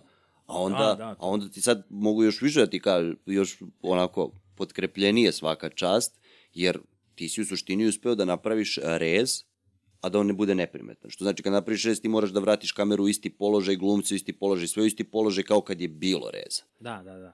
I onda kao da, to je jako zanimljiv postupak, kao, jer skroz te drugačije tera da, da pristupiš, u smislu tog sad, onoga što je bitno i onoga što je nebitno. Da, Da tehnički. Da, zanatski. da, da. To ti je klasična zanatska vežba. Apsolutno, da, da, da, jako, jako, jako korisna. Da. I četvrta godina, šta si snimio u četvrtoj godini? Nisam ništa snimio. Ništa još nisi snimio. Uživam, da, spremam diplomski, kao, radio sam na tom scenariju, to je konačno godina kad nemamo dva filma po Da, semestru, nego imamo samo jedan film za celu godinu koja traje, kao, koliko treba da traje. da. I onda da, radi, radi na diplomskom, na diplomskom filmu, kao, Dobro. Planuje dugometražni. pa da, da se oprobamo i u tome, kao. Dobro, i ono što sad tebi je nekako taj fakultet pruža jeste i to neko opšte obrazovanje. Ti moraš na neki način da prolaziš i kroz istoriju filmske umetnosti, kroz istoriju generalno dramske umetnosti. Koliko je tebi to, taj fakultet pružio tog znanja? Pa, mislim sad, ja sam dosta toga odradio pre nego što sam je upisao, imao sam vremena da kao Da. prođem i kroz te drame i kroz te filmove i kao ono što mi je, što mi je značilo što sam imao to predznanje, pa onda kad je došlo tu do malo neke rekontekstualizacije, tu mi je sad pružio neke, neke nove stvari, neke nove kontekste i to, kapiraš? Da. Ali kao nije me sad, uh, došao sam poprilično spreman tu, kao ja sam te istoriju i pozorišta i filma kao, nisam imao problema s tim, jer sam kao Tako je. bio već dovoljno upoznat sa tim i kao, Kad si ti počeo da čitaš u suštini? kad sam počeo da čitam, pa negde ono, kao sad ozbiljno čitam tek u srednjoj školi zapravo. Mislim da je krenulo to čak od prve godine, da. Kao da je bilo ono, ne znam, čitali smo Ilijadu, kao. Ja sam kao, jedini sam pročitao ili, ili, Ilijadu. Da. I kao, ono, wow, kao jebate, Ilijada, brate. Pa to je ono, ja, sam, ja kad sam pisao prvi scenario, neki, kad sam ti ga poslao, ti si ga pročitao i ti si rekao da je loš u suštini, što je i bio iz ove moje pozicije. A dobro, nisam rekao da je loše. Dao sam ti, mislim, neke komentare. Tako ali u suštini kad ih svedeš na jednostavno, to je... Imao je probleme. Imao je neke probleme. A jedan od glavnih problema je bio što ja nisam pročitao poetiku Aristotelovu. Recimo si ti meni odmah savjetu, brate, ne možeš pišeš scenarij ako nisi pročitao poetiku, brate. Razumeš? Pa si mi onda tek dao još neke druge knjige za pisanje scenarija koje sam, mora, koje sam pročitao i suštini shvatio koliko sam ja a, mal, mnogo komunicirao u kontekstu, a malo u podkontekstu, gde meni sve bilo u tim dijalozima i da ja, da, da ja što više otkrijem u tom dijalogu. Pa Tako. da, i to mislim da je bio problem zato što se kao ono pristupio dijagezisu, a ne mimezisu. Tako je, tako je. Mm. Gde kao u dramskom kao podražavamo, a ne prepričavamo. Prepričavamo, tako je. Mislim, ono, to je zamka kao, mislim, ono, ja, ja, ja i dan danas kao upadam u te probleme kad pišem i kao, Tako. bitna stvar je samo da kao, Da ih prepoznaš. pa da, da stekneš alate koji će ti pomoći da prepoznaš te stvari i kao da se izboriš sa njima. Mislim, to je nekako uvek ono, i prva lopta i najlakše, kao, mislim, Tako je. ono, to pisanje je neprekidan proces gde kao imaš, moraš mnogo se baviš time, kao. Tako je. praviš revizije, kao, i ne može ništa što si kao prva ruka bilo čega, kao ne može da bude Ne može da bude dobro, nikada. Mislim, ono, može da ima dobre osnove i sve kao da Tako to je. super, ali kao uvek mora na tome još dodatno da se radi da bi to bilo kao Tako je. ono što treba da bude. Tako da je ono, u suštini, osnova svega tu rad, neprekidan rad. Tako je, ja sam pričao sa jednom dramaturškinjom koja je meni došla i rekla, slušaj, kad napišeš scenariju, računaj toga da tek kad isečeš 50%, kad štrihuješ 50%, ti ćeš moći da razmišljaš o tome kako da ga obrađuješ tek. Jer tebi je tu 50% mora da otpadne. Jer to su viškovi, određeni, određeni viškovi u tvom razmišljanju gde ti imaš želju da podcrtaš nešto i da ne nešto daš akcenat. Sve što je podcrtavanje mora da leti napolje. Da.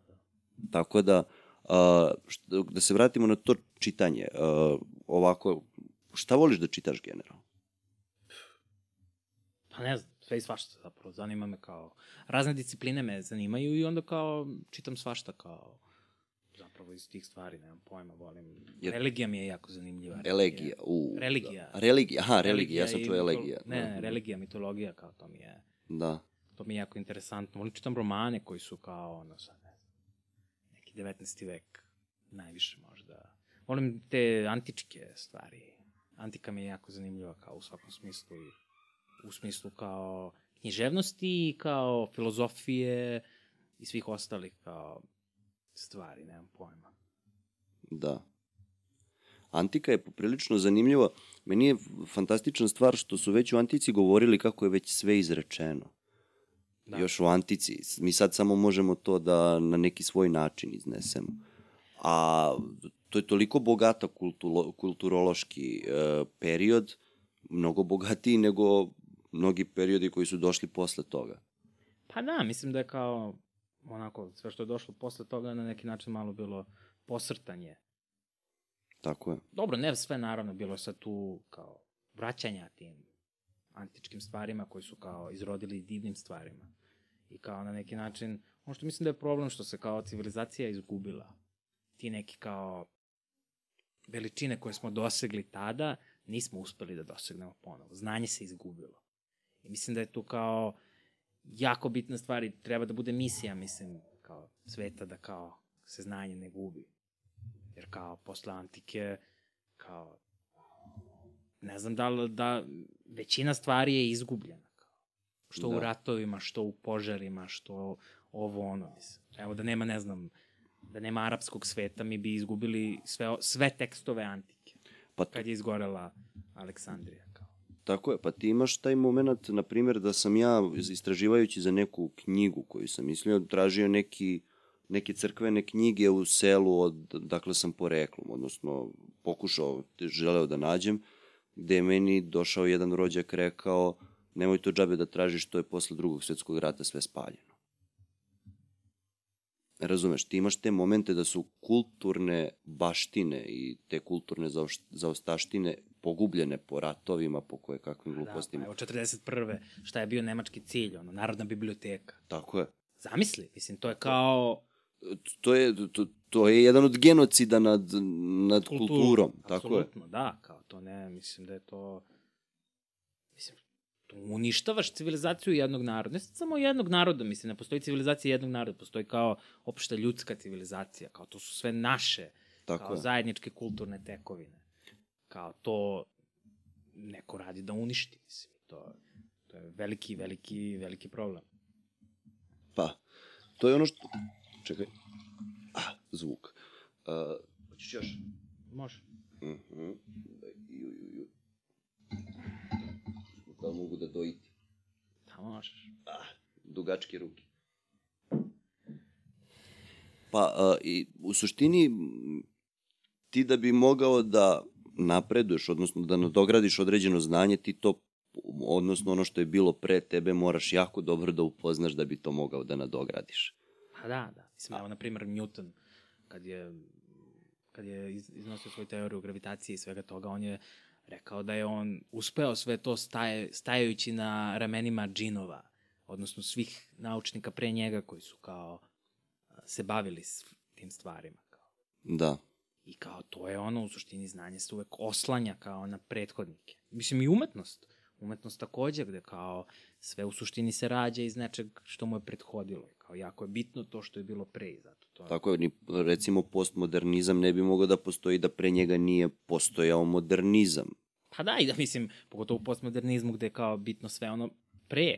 Tako je. Kao, jako je bitan kao ceo taj tok koji kao, kroz koji prolazimo kao i kroz koji umetnost prolazi i razvija se. Kao, mislim da je tu jako bitno kao ne zaboraviti, ne zaboraviti te neke stvari. Jer lako dođe do toga kao, mislim, pogotovo u školama, kao, to je sad jedna jako zanimljiva tema, gde škola kao institucija potpuno gubi kao, gubi se, gubi svoj prvobitni smisao. Kao, A to je obrazovanje. Pa da, ali mislim... I vaspitanje. Pa da, ali recimo danas škola služi da obrazuje kao radnu snagu. Tako je.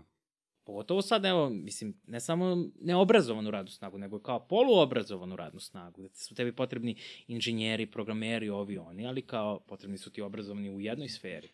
A tako, ali ti imaš veliki problem sa tim da je poluobrazovanje mnogo gore nego totalno neobrazovanje. Pa da. Jer ti, uh, uh, osoba koja ima, koja ima to, to poluznanje nije svesna koliko ne zna. Iz mog nekog iskustva. Pa dobro, to jeste, ali na neki način, mislim, niko Niko ne ne zna zna. sve, niko ne zna sve, ali ne može nikad I kao- nikad ne može, mislim, to je to, znanje. To je lepota, to je lepota znanja, kao, i ti ono kad ga deliš umnožavaš ga i kao nikad nema kraja, kao uvek ima nešto što kao, mislim da je to ono, radoznalost jako bitna stvar, kao, i to treba da se razvije u školama, kao. Tako je. Ne sad ti učiš, brate, da kao, da znaš. dobijem peticu, nego učim da bi saznao nešto. Pa da, i, i bitna stvar je kao povezivanje stvari, jer to se ne radi u školama. U školama se uči kao, uči se informacije, kao ne znam, koja je najveća reka u Peru, koja je kao, ne znam, radimo matematiku, kao.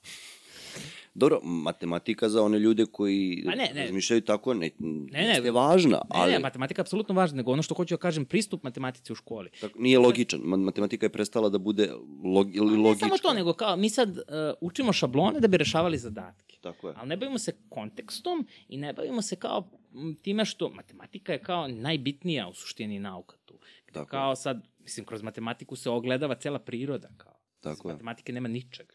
I kao, uh, ono što je bitno tu je kao da, da shvatimo to kao, evo, mislim, ono, uglavnom deca postavljaju te argumente, šta će meni, ne znam, ovi polinomi, ovo, kad ću ja to da vidim u životu.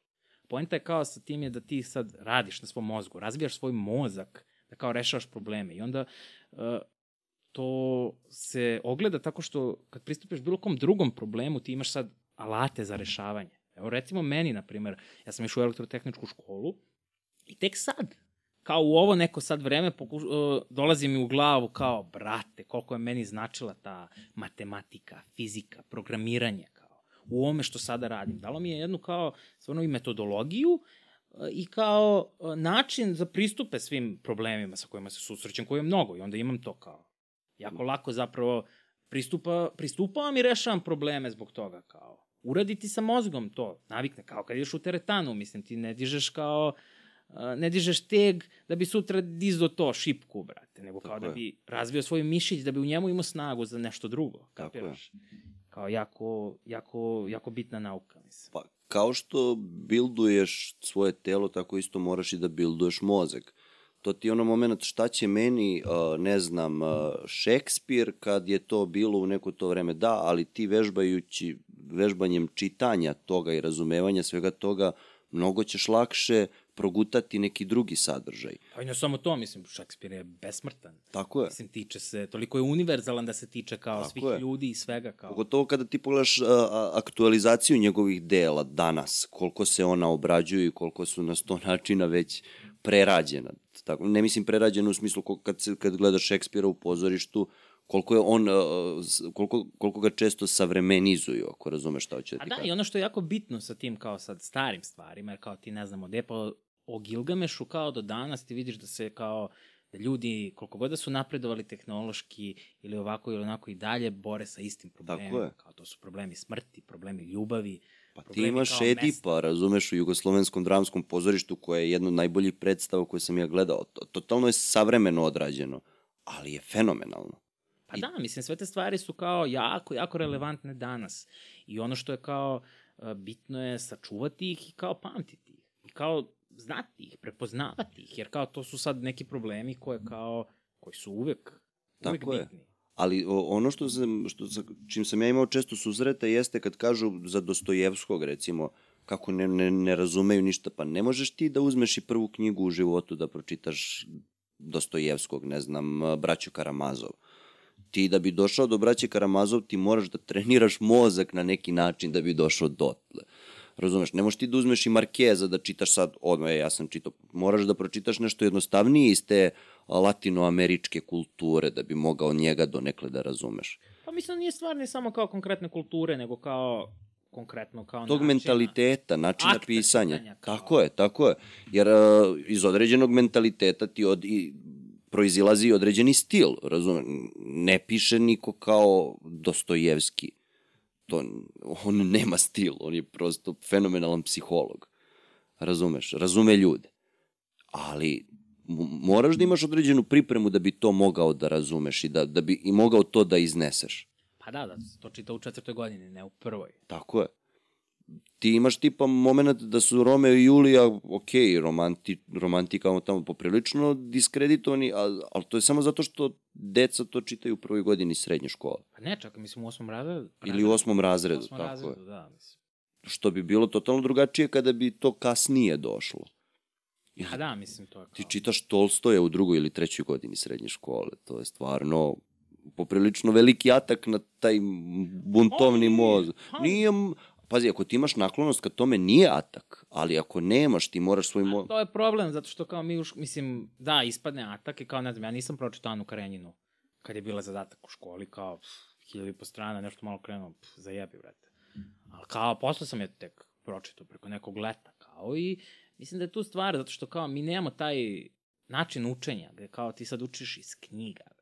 Učiš iz uz, učbenika prežvakane stvari. To mislim da je kao, jako, mislim, jako. To je malo problem, zato što kao nismo upućeni na originalne tekstove. Da, Kao, mislim da učenje treba da se vrši iz kao baš tih knjiga. brate. tako je. Udžbenici nisu uvek, po- pogotovo kod nas, mislim, sad da ne pričamo o toj udžbeničkoj mafiji gde se kao svako, svake godine se menja izdavač i kao štampaju nove knjige i prodaju za ogromne pare, gde kao roditelji moraju da izvod, iz- izdvoje kao baš velike pare da bi kupili osnovne jebene udžbenike deci koje će Da. sutra da završe na lomači jer su beskorisni, nemaju vrednost. Tako je. Jebeni mislim. Pa to je ono što sam ja čitao određenog psihijatra koji govori o određenim poremećajima ličnosti, određenim stvarima koje se dešavaju u psihijatriji, gde on kaže da, da, je, da su se oni najviše nadovezali na filozofiju. I ti kao pročitaš Kanta i ti ćeš imati sve vrste poremećaja psihičkih kod ljudi, jer je on to sve već razradio u, u te ljudske ideje u svojim delima. Pa mislim, to je ono, od kad, još od Niča, mislim, ono, kad Tako je, je. Bog umro, brate. To je zato što ja mislim da kao veliki, svi problemi kao 21. veka i kao 20. se, se baziraju na tome da smo se mi na neki način kao vrsta odvojili, brate, od svoje suštine i kao od onoga što mi jesmo. Kao, mi nismo, brate, kao to što, mislim, ono, da, da trošimo, da jedemo. Da, mislim, da, mi moramo da jedemo da bi živeli. Tako je. Mislim, pogotovo ja, kao, obožavam da, da. da. jedem, nije, nije u tome stvar, ali kao Da. da. mi nismo, nismo nikada do, do, do sada imali kao toliki pristup hrani. Tako je. Toliki pristup svim tim stvarima, kao. I mislim da smo potpuno izgubili taj neki kao, tu u tom ogromnom materializmu svega, kao izgubili smo potpuno svoju duhovnu stranu, kao tu neku konekciju s prirodom, evo priroda, šta se radi, kao koliko se priroda uništava, ono, grade se tržni centri, gluposti, da trošimo, da trošimo, da kao zarađujemo samo da bi trošili, kao. Podstiče se konzumerizam, a bez svega toga se može. Pa da, mislim kao, ne znam, bitno je, bitno je pronaći sebe i kao ono to što hoćeš da radiš, kao što god to bilo. I do toga, mislim, moraš da živiš od toga, to je sad, novac je tu sad neosporan. Tako je. Ali ono što, mislim da kao, da je problem generalno što kao, totalno smo udaljeni od kao suštine. Kao to je totalno spalo sa kao padom, padom religije, kao. Da. Da. Sad ono religija nema nikakvo mesto u našem društvu. A jako je bitna jer kao iz, iz toga se rađalo društvo. Nije sad to pitanje činjenica kao da li je ovo tačno, da li nije. Kao, Tako je. To je potpuno, potpuno nebitno. Mislim da je to, pogotovo pogrešna tumačenja religije su dovodila do kao svih propasti ovog sveta. Tako je. Kao ta razilaženja, kao. Mislim, svaki raskol, sve, kao, pogotovo verski ratovi, mislim, to je kao... Tako, odličan način da se manipuliše masom. Pa da, mislim, kao ti, ne znam, tebe će da uče, mislim, u crkvi, u školi, brate, kad treba, kao, ne znam, oni su naši neprijatelji, oni, ne znam, negiraju našeg Hrista ili ovo ono, a kao ti kad sedneš i kao kad se malo upoznaš sa, kao, na primjer. Sa islamom. A evo, na primjer, da, evo, Islam je tu kao dobar primjer, jer kao uglavnom su bili predstavljeni kao naši neprijatelji i kao to još, ne znam, ne znam 500 godina po Turcima, kao. Ali ti malo kad uđeš u suštinu kao svega toga, mislim, i u suštinu Islama i u suštinu hrišćanstva, kada kao sagledaš, Kada pročitaš recimo Kuran, ti u suštini vidiš da je to na nekim osnovima možda i čistija religija od uh, hrišćanstva. apsolutno, mislim, Apsolutno to je kao... čistija. A, da ti, oni takođe priznaju Isusa, ali ga ne priznaju kao sina Božijeg, odnosno kako se zove, kao dela Svetog Trojstva, nego kao proroka. Pa da, ali ono što Islam jeste, Islam je čista kao to avramovska religija, dok je hrišćanstvo onako kako se kao kod nas Tumači. pa tumači, ne samo kod nas, nego i kod nas i u katoličkom Tako svetu, je. čista paganština, to je kao, samo došlo kao zamena za naše stare bogove, kao Tako uopšte je. nije udaljeno od toga. I mislim da je kao tumačenje toga jako bitno, da ti sad sagledaš to kao. Mislim, šta je, šta je hrišćanstvo u kao tom nekom avramovskom smislu, a šta je kao ono što smo mi uneli kao pagani pagani u to. I onda sad ljudi ono hoće se kolju zbog toga. Evo, na primer, baš da se vratimo na brodogradilište. Ja sam kao tad...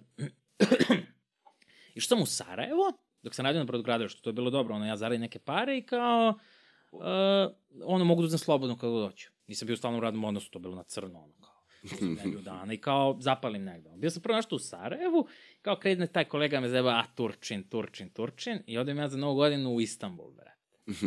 Kao, Turčine, Turčine, to zeba me. Još, ja nešto spomenuo, kao čito sam kuran u tom trenutku. A, ti si Turčin, kao, kad će te sunete, su te osunetili, kao, bla, bla. I nebitno, ja donosim, kao, doneću ti ja kuran jedan dan, brate. Ja tamo u Istanbulu delili su neke male kurane, kao, na engleskom. Kao, nisam teo da donosim svoj, kao, pošto je onako, kao, kvalitetna knjiga koja ne bih teo da se bilo šta desi.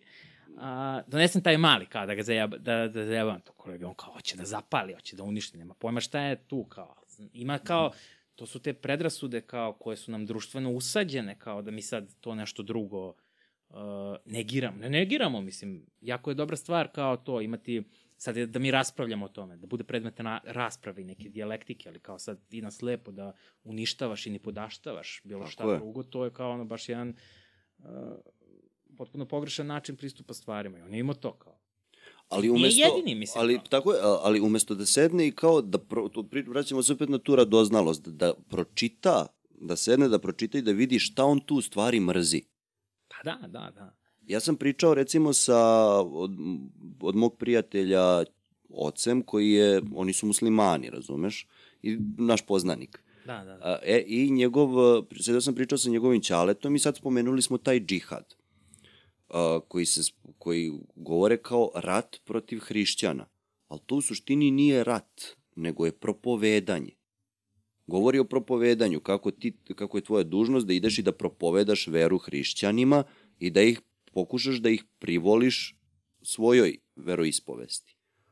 A onda su to ljudi iskoristili za to, odnosno, što bi on rekao, islamističke sekte, da uvuku uh, ljude u rat protiv hrišćana. Ali mislim da se vratimo na to koja islamističke sekte, u smislu kao, mislim, da li bilo ko ko kao živi normalno, sad će on da kao ide da se detonira negdje, mislim, to, je, to su stvari koje su usađene. Kakav je bio Afganistan, kakav je bio Iran ranije, koji su to Tako bili je. demokratski režimi, dok kao nisu svrgnuti i kao stavljeni od strane Cije ili bilo koga drugog uh, uh, kao te islami, islamistički fundament, fundament, fundamentalisti koji su Tako kao je. sad napravili kao to Iran ovakvim kakav je danas. A Iran je kao Mislim, to je fantastična civilizacija, kao starija od svih nas, kao koja je to istorija, tradicija, kako oni imaju jednu specifičnu kulturu i sve, brate. I kao ti sad svedeš to na kao te buzdovane što idu kao i... I detoniraju se po tržnim centrima. Mislim, kao to nisu ljudi, to nisu ljudi koji kao, mislim, to su bre, to su neki plaćeni ljudi, to nisu realni, mislim, ne možemo tako gledati muslimani ili bilo koga drugog. Tako je, tako je. Mislim, to je, to je stvarno jedna, jedna ozbiljna stvar koja kao sad tako preovlada u tom svetu. Da. Mislim, preovlada zato što kao imaju naftu, imaju resurse, pa onda uništava Naravno. se, uništava Naravno. se njihova kao državnost i država. Da. Da bi neko drugi uspeo da dođe do tih da. resursa. Ma, pa, sve se svodi na to ko ima resurse, ako ih imam ja, razumeš? Mislim, ako... pogotovo u današnjem svetu, ja mislim da kao da smo potpuno prevazišli sve, sve vrste kao bilo kojih nacionalnih, uh, verskih, rasnih kao razlika, da postoji danas jedna jedina bitna razlika kao ljudi, to je ekonomska. Tako je. Kao ekonomska borba je jedino nešto što kao uh, i dalje traji, bitno je. Tako je. Kao, jer ne, stvarno nije, nije normalno živeti u svetu gde kao neko može da se, le, može da se leči onaj ko plati ili kao te neke osnovne stvari kao su mu dostupne samo ako kao ih plati ili zaradi. Naprimer, voda, brate. Da. Mislim, voda. Rimljani su imali vodu, brate. Pre 2000 godina imaš česmu, dođeš, natočiš. Tako je. A mi danas da sad plaćamo vodu, da nam uništavaju vodu, kao. Pa ti kad imaš, mi pričamo o nekoj demokratiji, uh, Rimsko carstvo imalo i čak i, i Grčka, stara Grčka su imali bolju demokratiju nego mi danas, jer onog momenta kada se u to ulije novac, odnosno kada banke preuzmu sistem, ako razumeš šta hoću da ti kažem, uh, ti dolaziš do toga da ti demokratiju imaš samo na papiru. Pa da, stvar kod grčke i rimske demokratije je to što to nije bila demokratija u današnjem smislu, opet Tako je. nisu svi glasali. Znači, Mhm. glasali su kao, to je bila demokratija među plemićima. Tako je, pa ti imaš e, dva konzula u rimskoj demokratiji i ostale članove saveta, Senata. senata, kako se, senatore. I to ti je to, razumeš? Ali ni ti ni tu nisi imao demokratiju. Mislim, pravu. To, to ti je... Naravno, to je bilo sve vreme kao uh, uh, prevrati kao da se vrati carstvo, mislim, to je Cezar na kraju uspeo. Ce, ali uh, Mislim- svo, svojom smrću gde je došao Oktavijan i jebi ga. Pa da, da. Ali kao, mislim, uh, ovi su, Rimljani su toliko radili da svrgnu svoje kraljeve da bi došli do demokratije i onda su se opet vratili Vratili u carstvo, u carstvo. koje ih je totalno uništilo. Pa što, mislim, jeste, ali kao sad tu bilo i drugih faktora, ali kao u, samom, u samoj suštini ne mora, mislim, imamo mnogo primjera kao jako dobrih vladara koji su bili kao Tako je.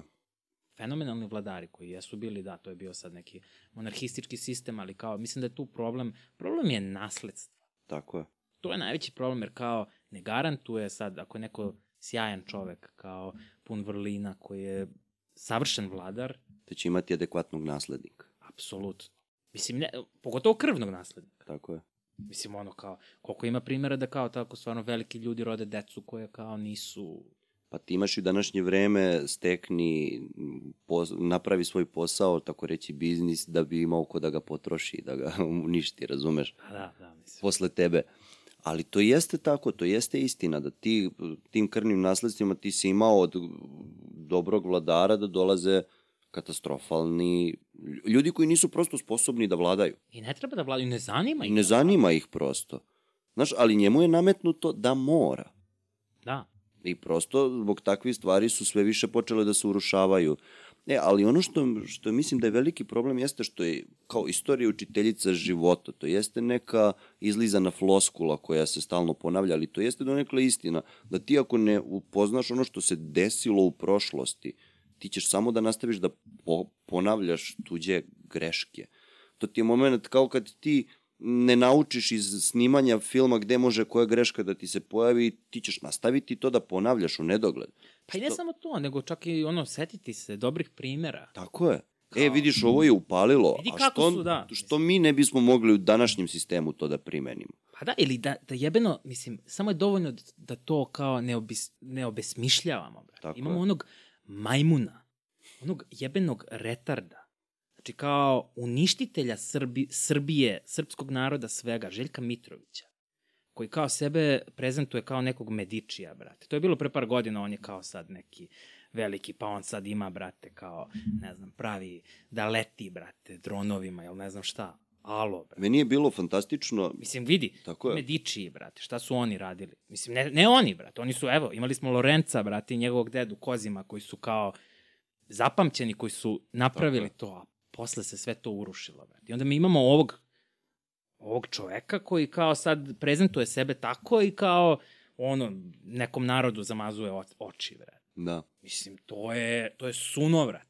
ti imaš moment da on pre- u toku korone priča o nekoj ozonizaciji krvi, gde on vadi krv, ubacuje, još je, mislim, to su tako neke naučno nepodobne, znači on je sve upropastio s tim nekim, znači total, ne, ne znam šta bi rekao za njega, prosto to ne, je... ne, mislim, to je, mislim, a mi smo krivi, brate. Tako je, ali pazi da mi, da ni, on da i nema publicitet, on ne bi postojao takav kakav jeste. Pa naravno, ali uvek će imati uh, publicitet u, u takvom društvu u kakvom mi živimo, ali ono što je stvar, kao, jer to je najveći problem, ja mislim, sa našom državom od kad je osnovana, kao od kad smo ono, se oslobodili od Turaka, mi nemamo kao jednu ideju koja, se, koja vezuje našu je. naciju i koju pratimo kao kroz istoriju. A ovde, brate, čim se promeni neka vlast, kao sve ovo što su prethodni radili, radili kao ništa, idemo sad, sad mi na novo, naše tako je, ispočetka. tako je. Mislim i da ne pričamo o tome, pogotovo ono sad posle kao od 90-ih pa na ovamo šta se desilo, mislim to je kao,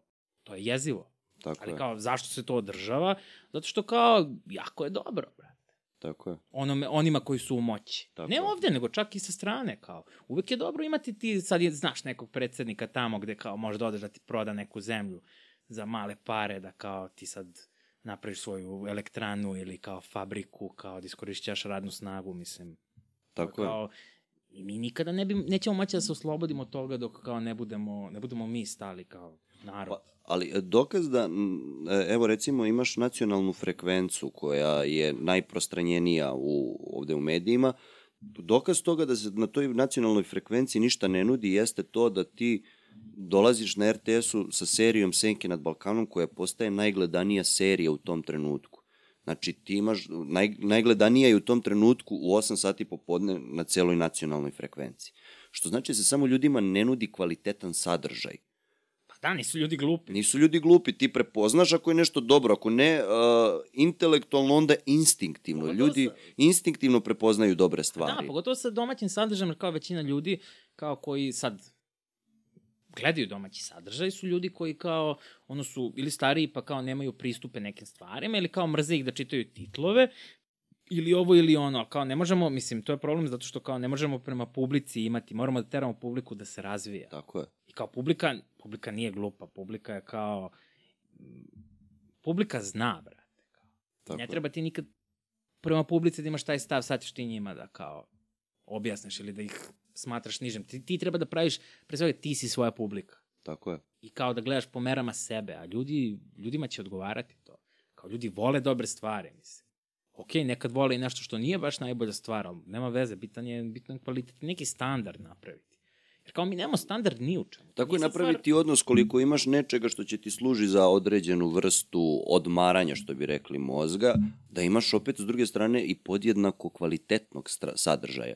Najveći problem dolazi kada, kada ta dva sadržaja uh, imaju velike, uh, velike razlike u odnosu. Pa Da, da, mi pravimo, mislim, ono, mislim, danas u svetu generalno kao sve sadržaj, sadržaj, sadržaj. Mi smo kao bombardovani sadržajem gde god se okrenemo. Kao. Tako je. I problem je da sve postaje sadržaj. Da, a ako nemaš filter da vidiš, da, da prepoznaš kvalitet, ti Imaš, na primjer, evo recimo HBO, brate, i ovi streaminzi, sad ne znam da li HBO ili Netflix ili oba, ali evo streaminzi sad nemaju kao uh, za filmska, filmska dela kao, ne, nije film, brate, nije directed by, written by, nego je created by, kao content.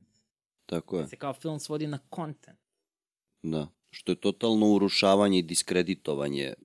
Apsolutno, mislim, kao, ok, da, to jeste sad sadržaj, mislim, sve je sadržaj. Sve je sadržaj. Mislim, ova čaša je sadržaj. Tako je, sadržana je od stakla i vode, jebi A ga. da, ali kao ne, mislim, taj odnos kao je jako, jako bitan prema tome. Kao. Pa, ali to je ono što, kako se zove, ako ljudima, kakav sadržaj ljudima nudiš, ali da li ti ljudima nudiš kvalitet? To je ono što je važno. Da li, jer ti, uh, da bi došao do situacije da prepoznaješ kvalitet, moraš neko vreme da budeš izložen njemu. Ako nisi izložen njemu, ti ga nećeš ni prepoznati. Pa da, možda, ne znam. To je sad već neka dublja filozofija u kojoj, mislim, možemo o tome da pričamo satima. U suštini, Boki, ono što sam teo da ti kažem, da mislim da bi, mi, ti i ja možemo još jednom da se nađemo i da pričamo o ovako nekim stvarima, ali mislim da bi ovde trebali da stanemo, jer postaje besmisleno dalje pričati. Da, da, nema ko to da sluša. da, da sad ulazimo u neke dublje geopolitike, u istorije i književnosti. Da. Mislim, može, ali da, da to se nađemo i izdvojimo ceo podcast. Važi. E, hvala ti što si bio kod mene. Ništa, hvala što si. Ajde, Ajde. pa se vidimo. Opa! Kratke ruke.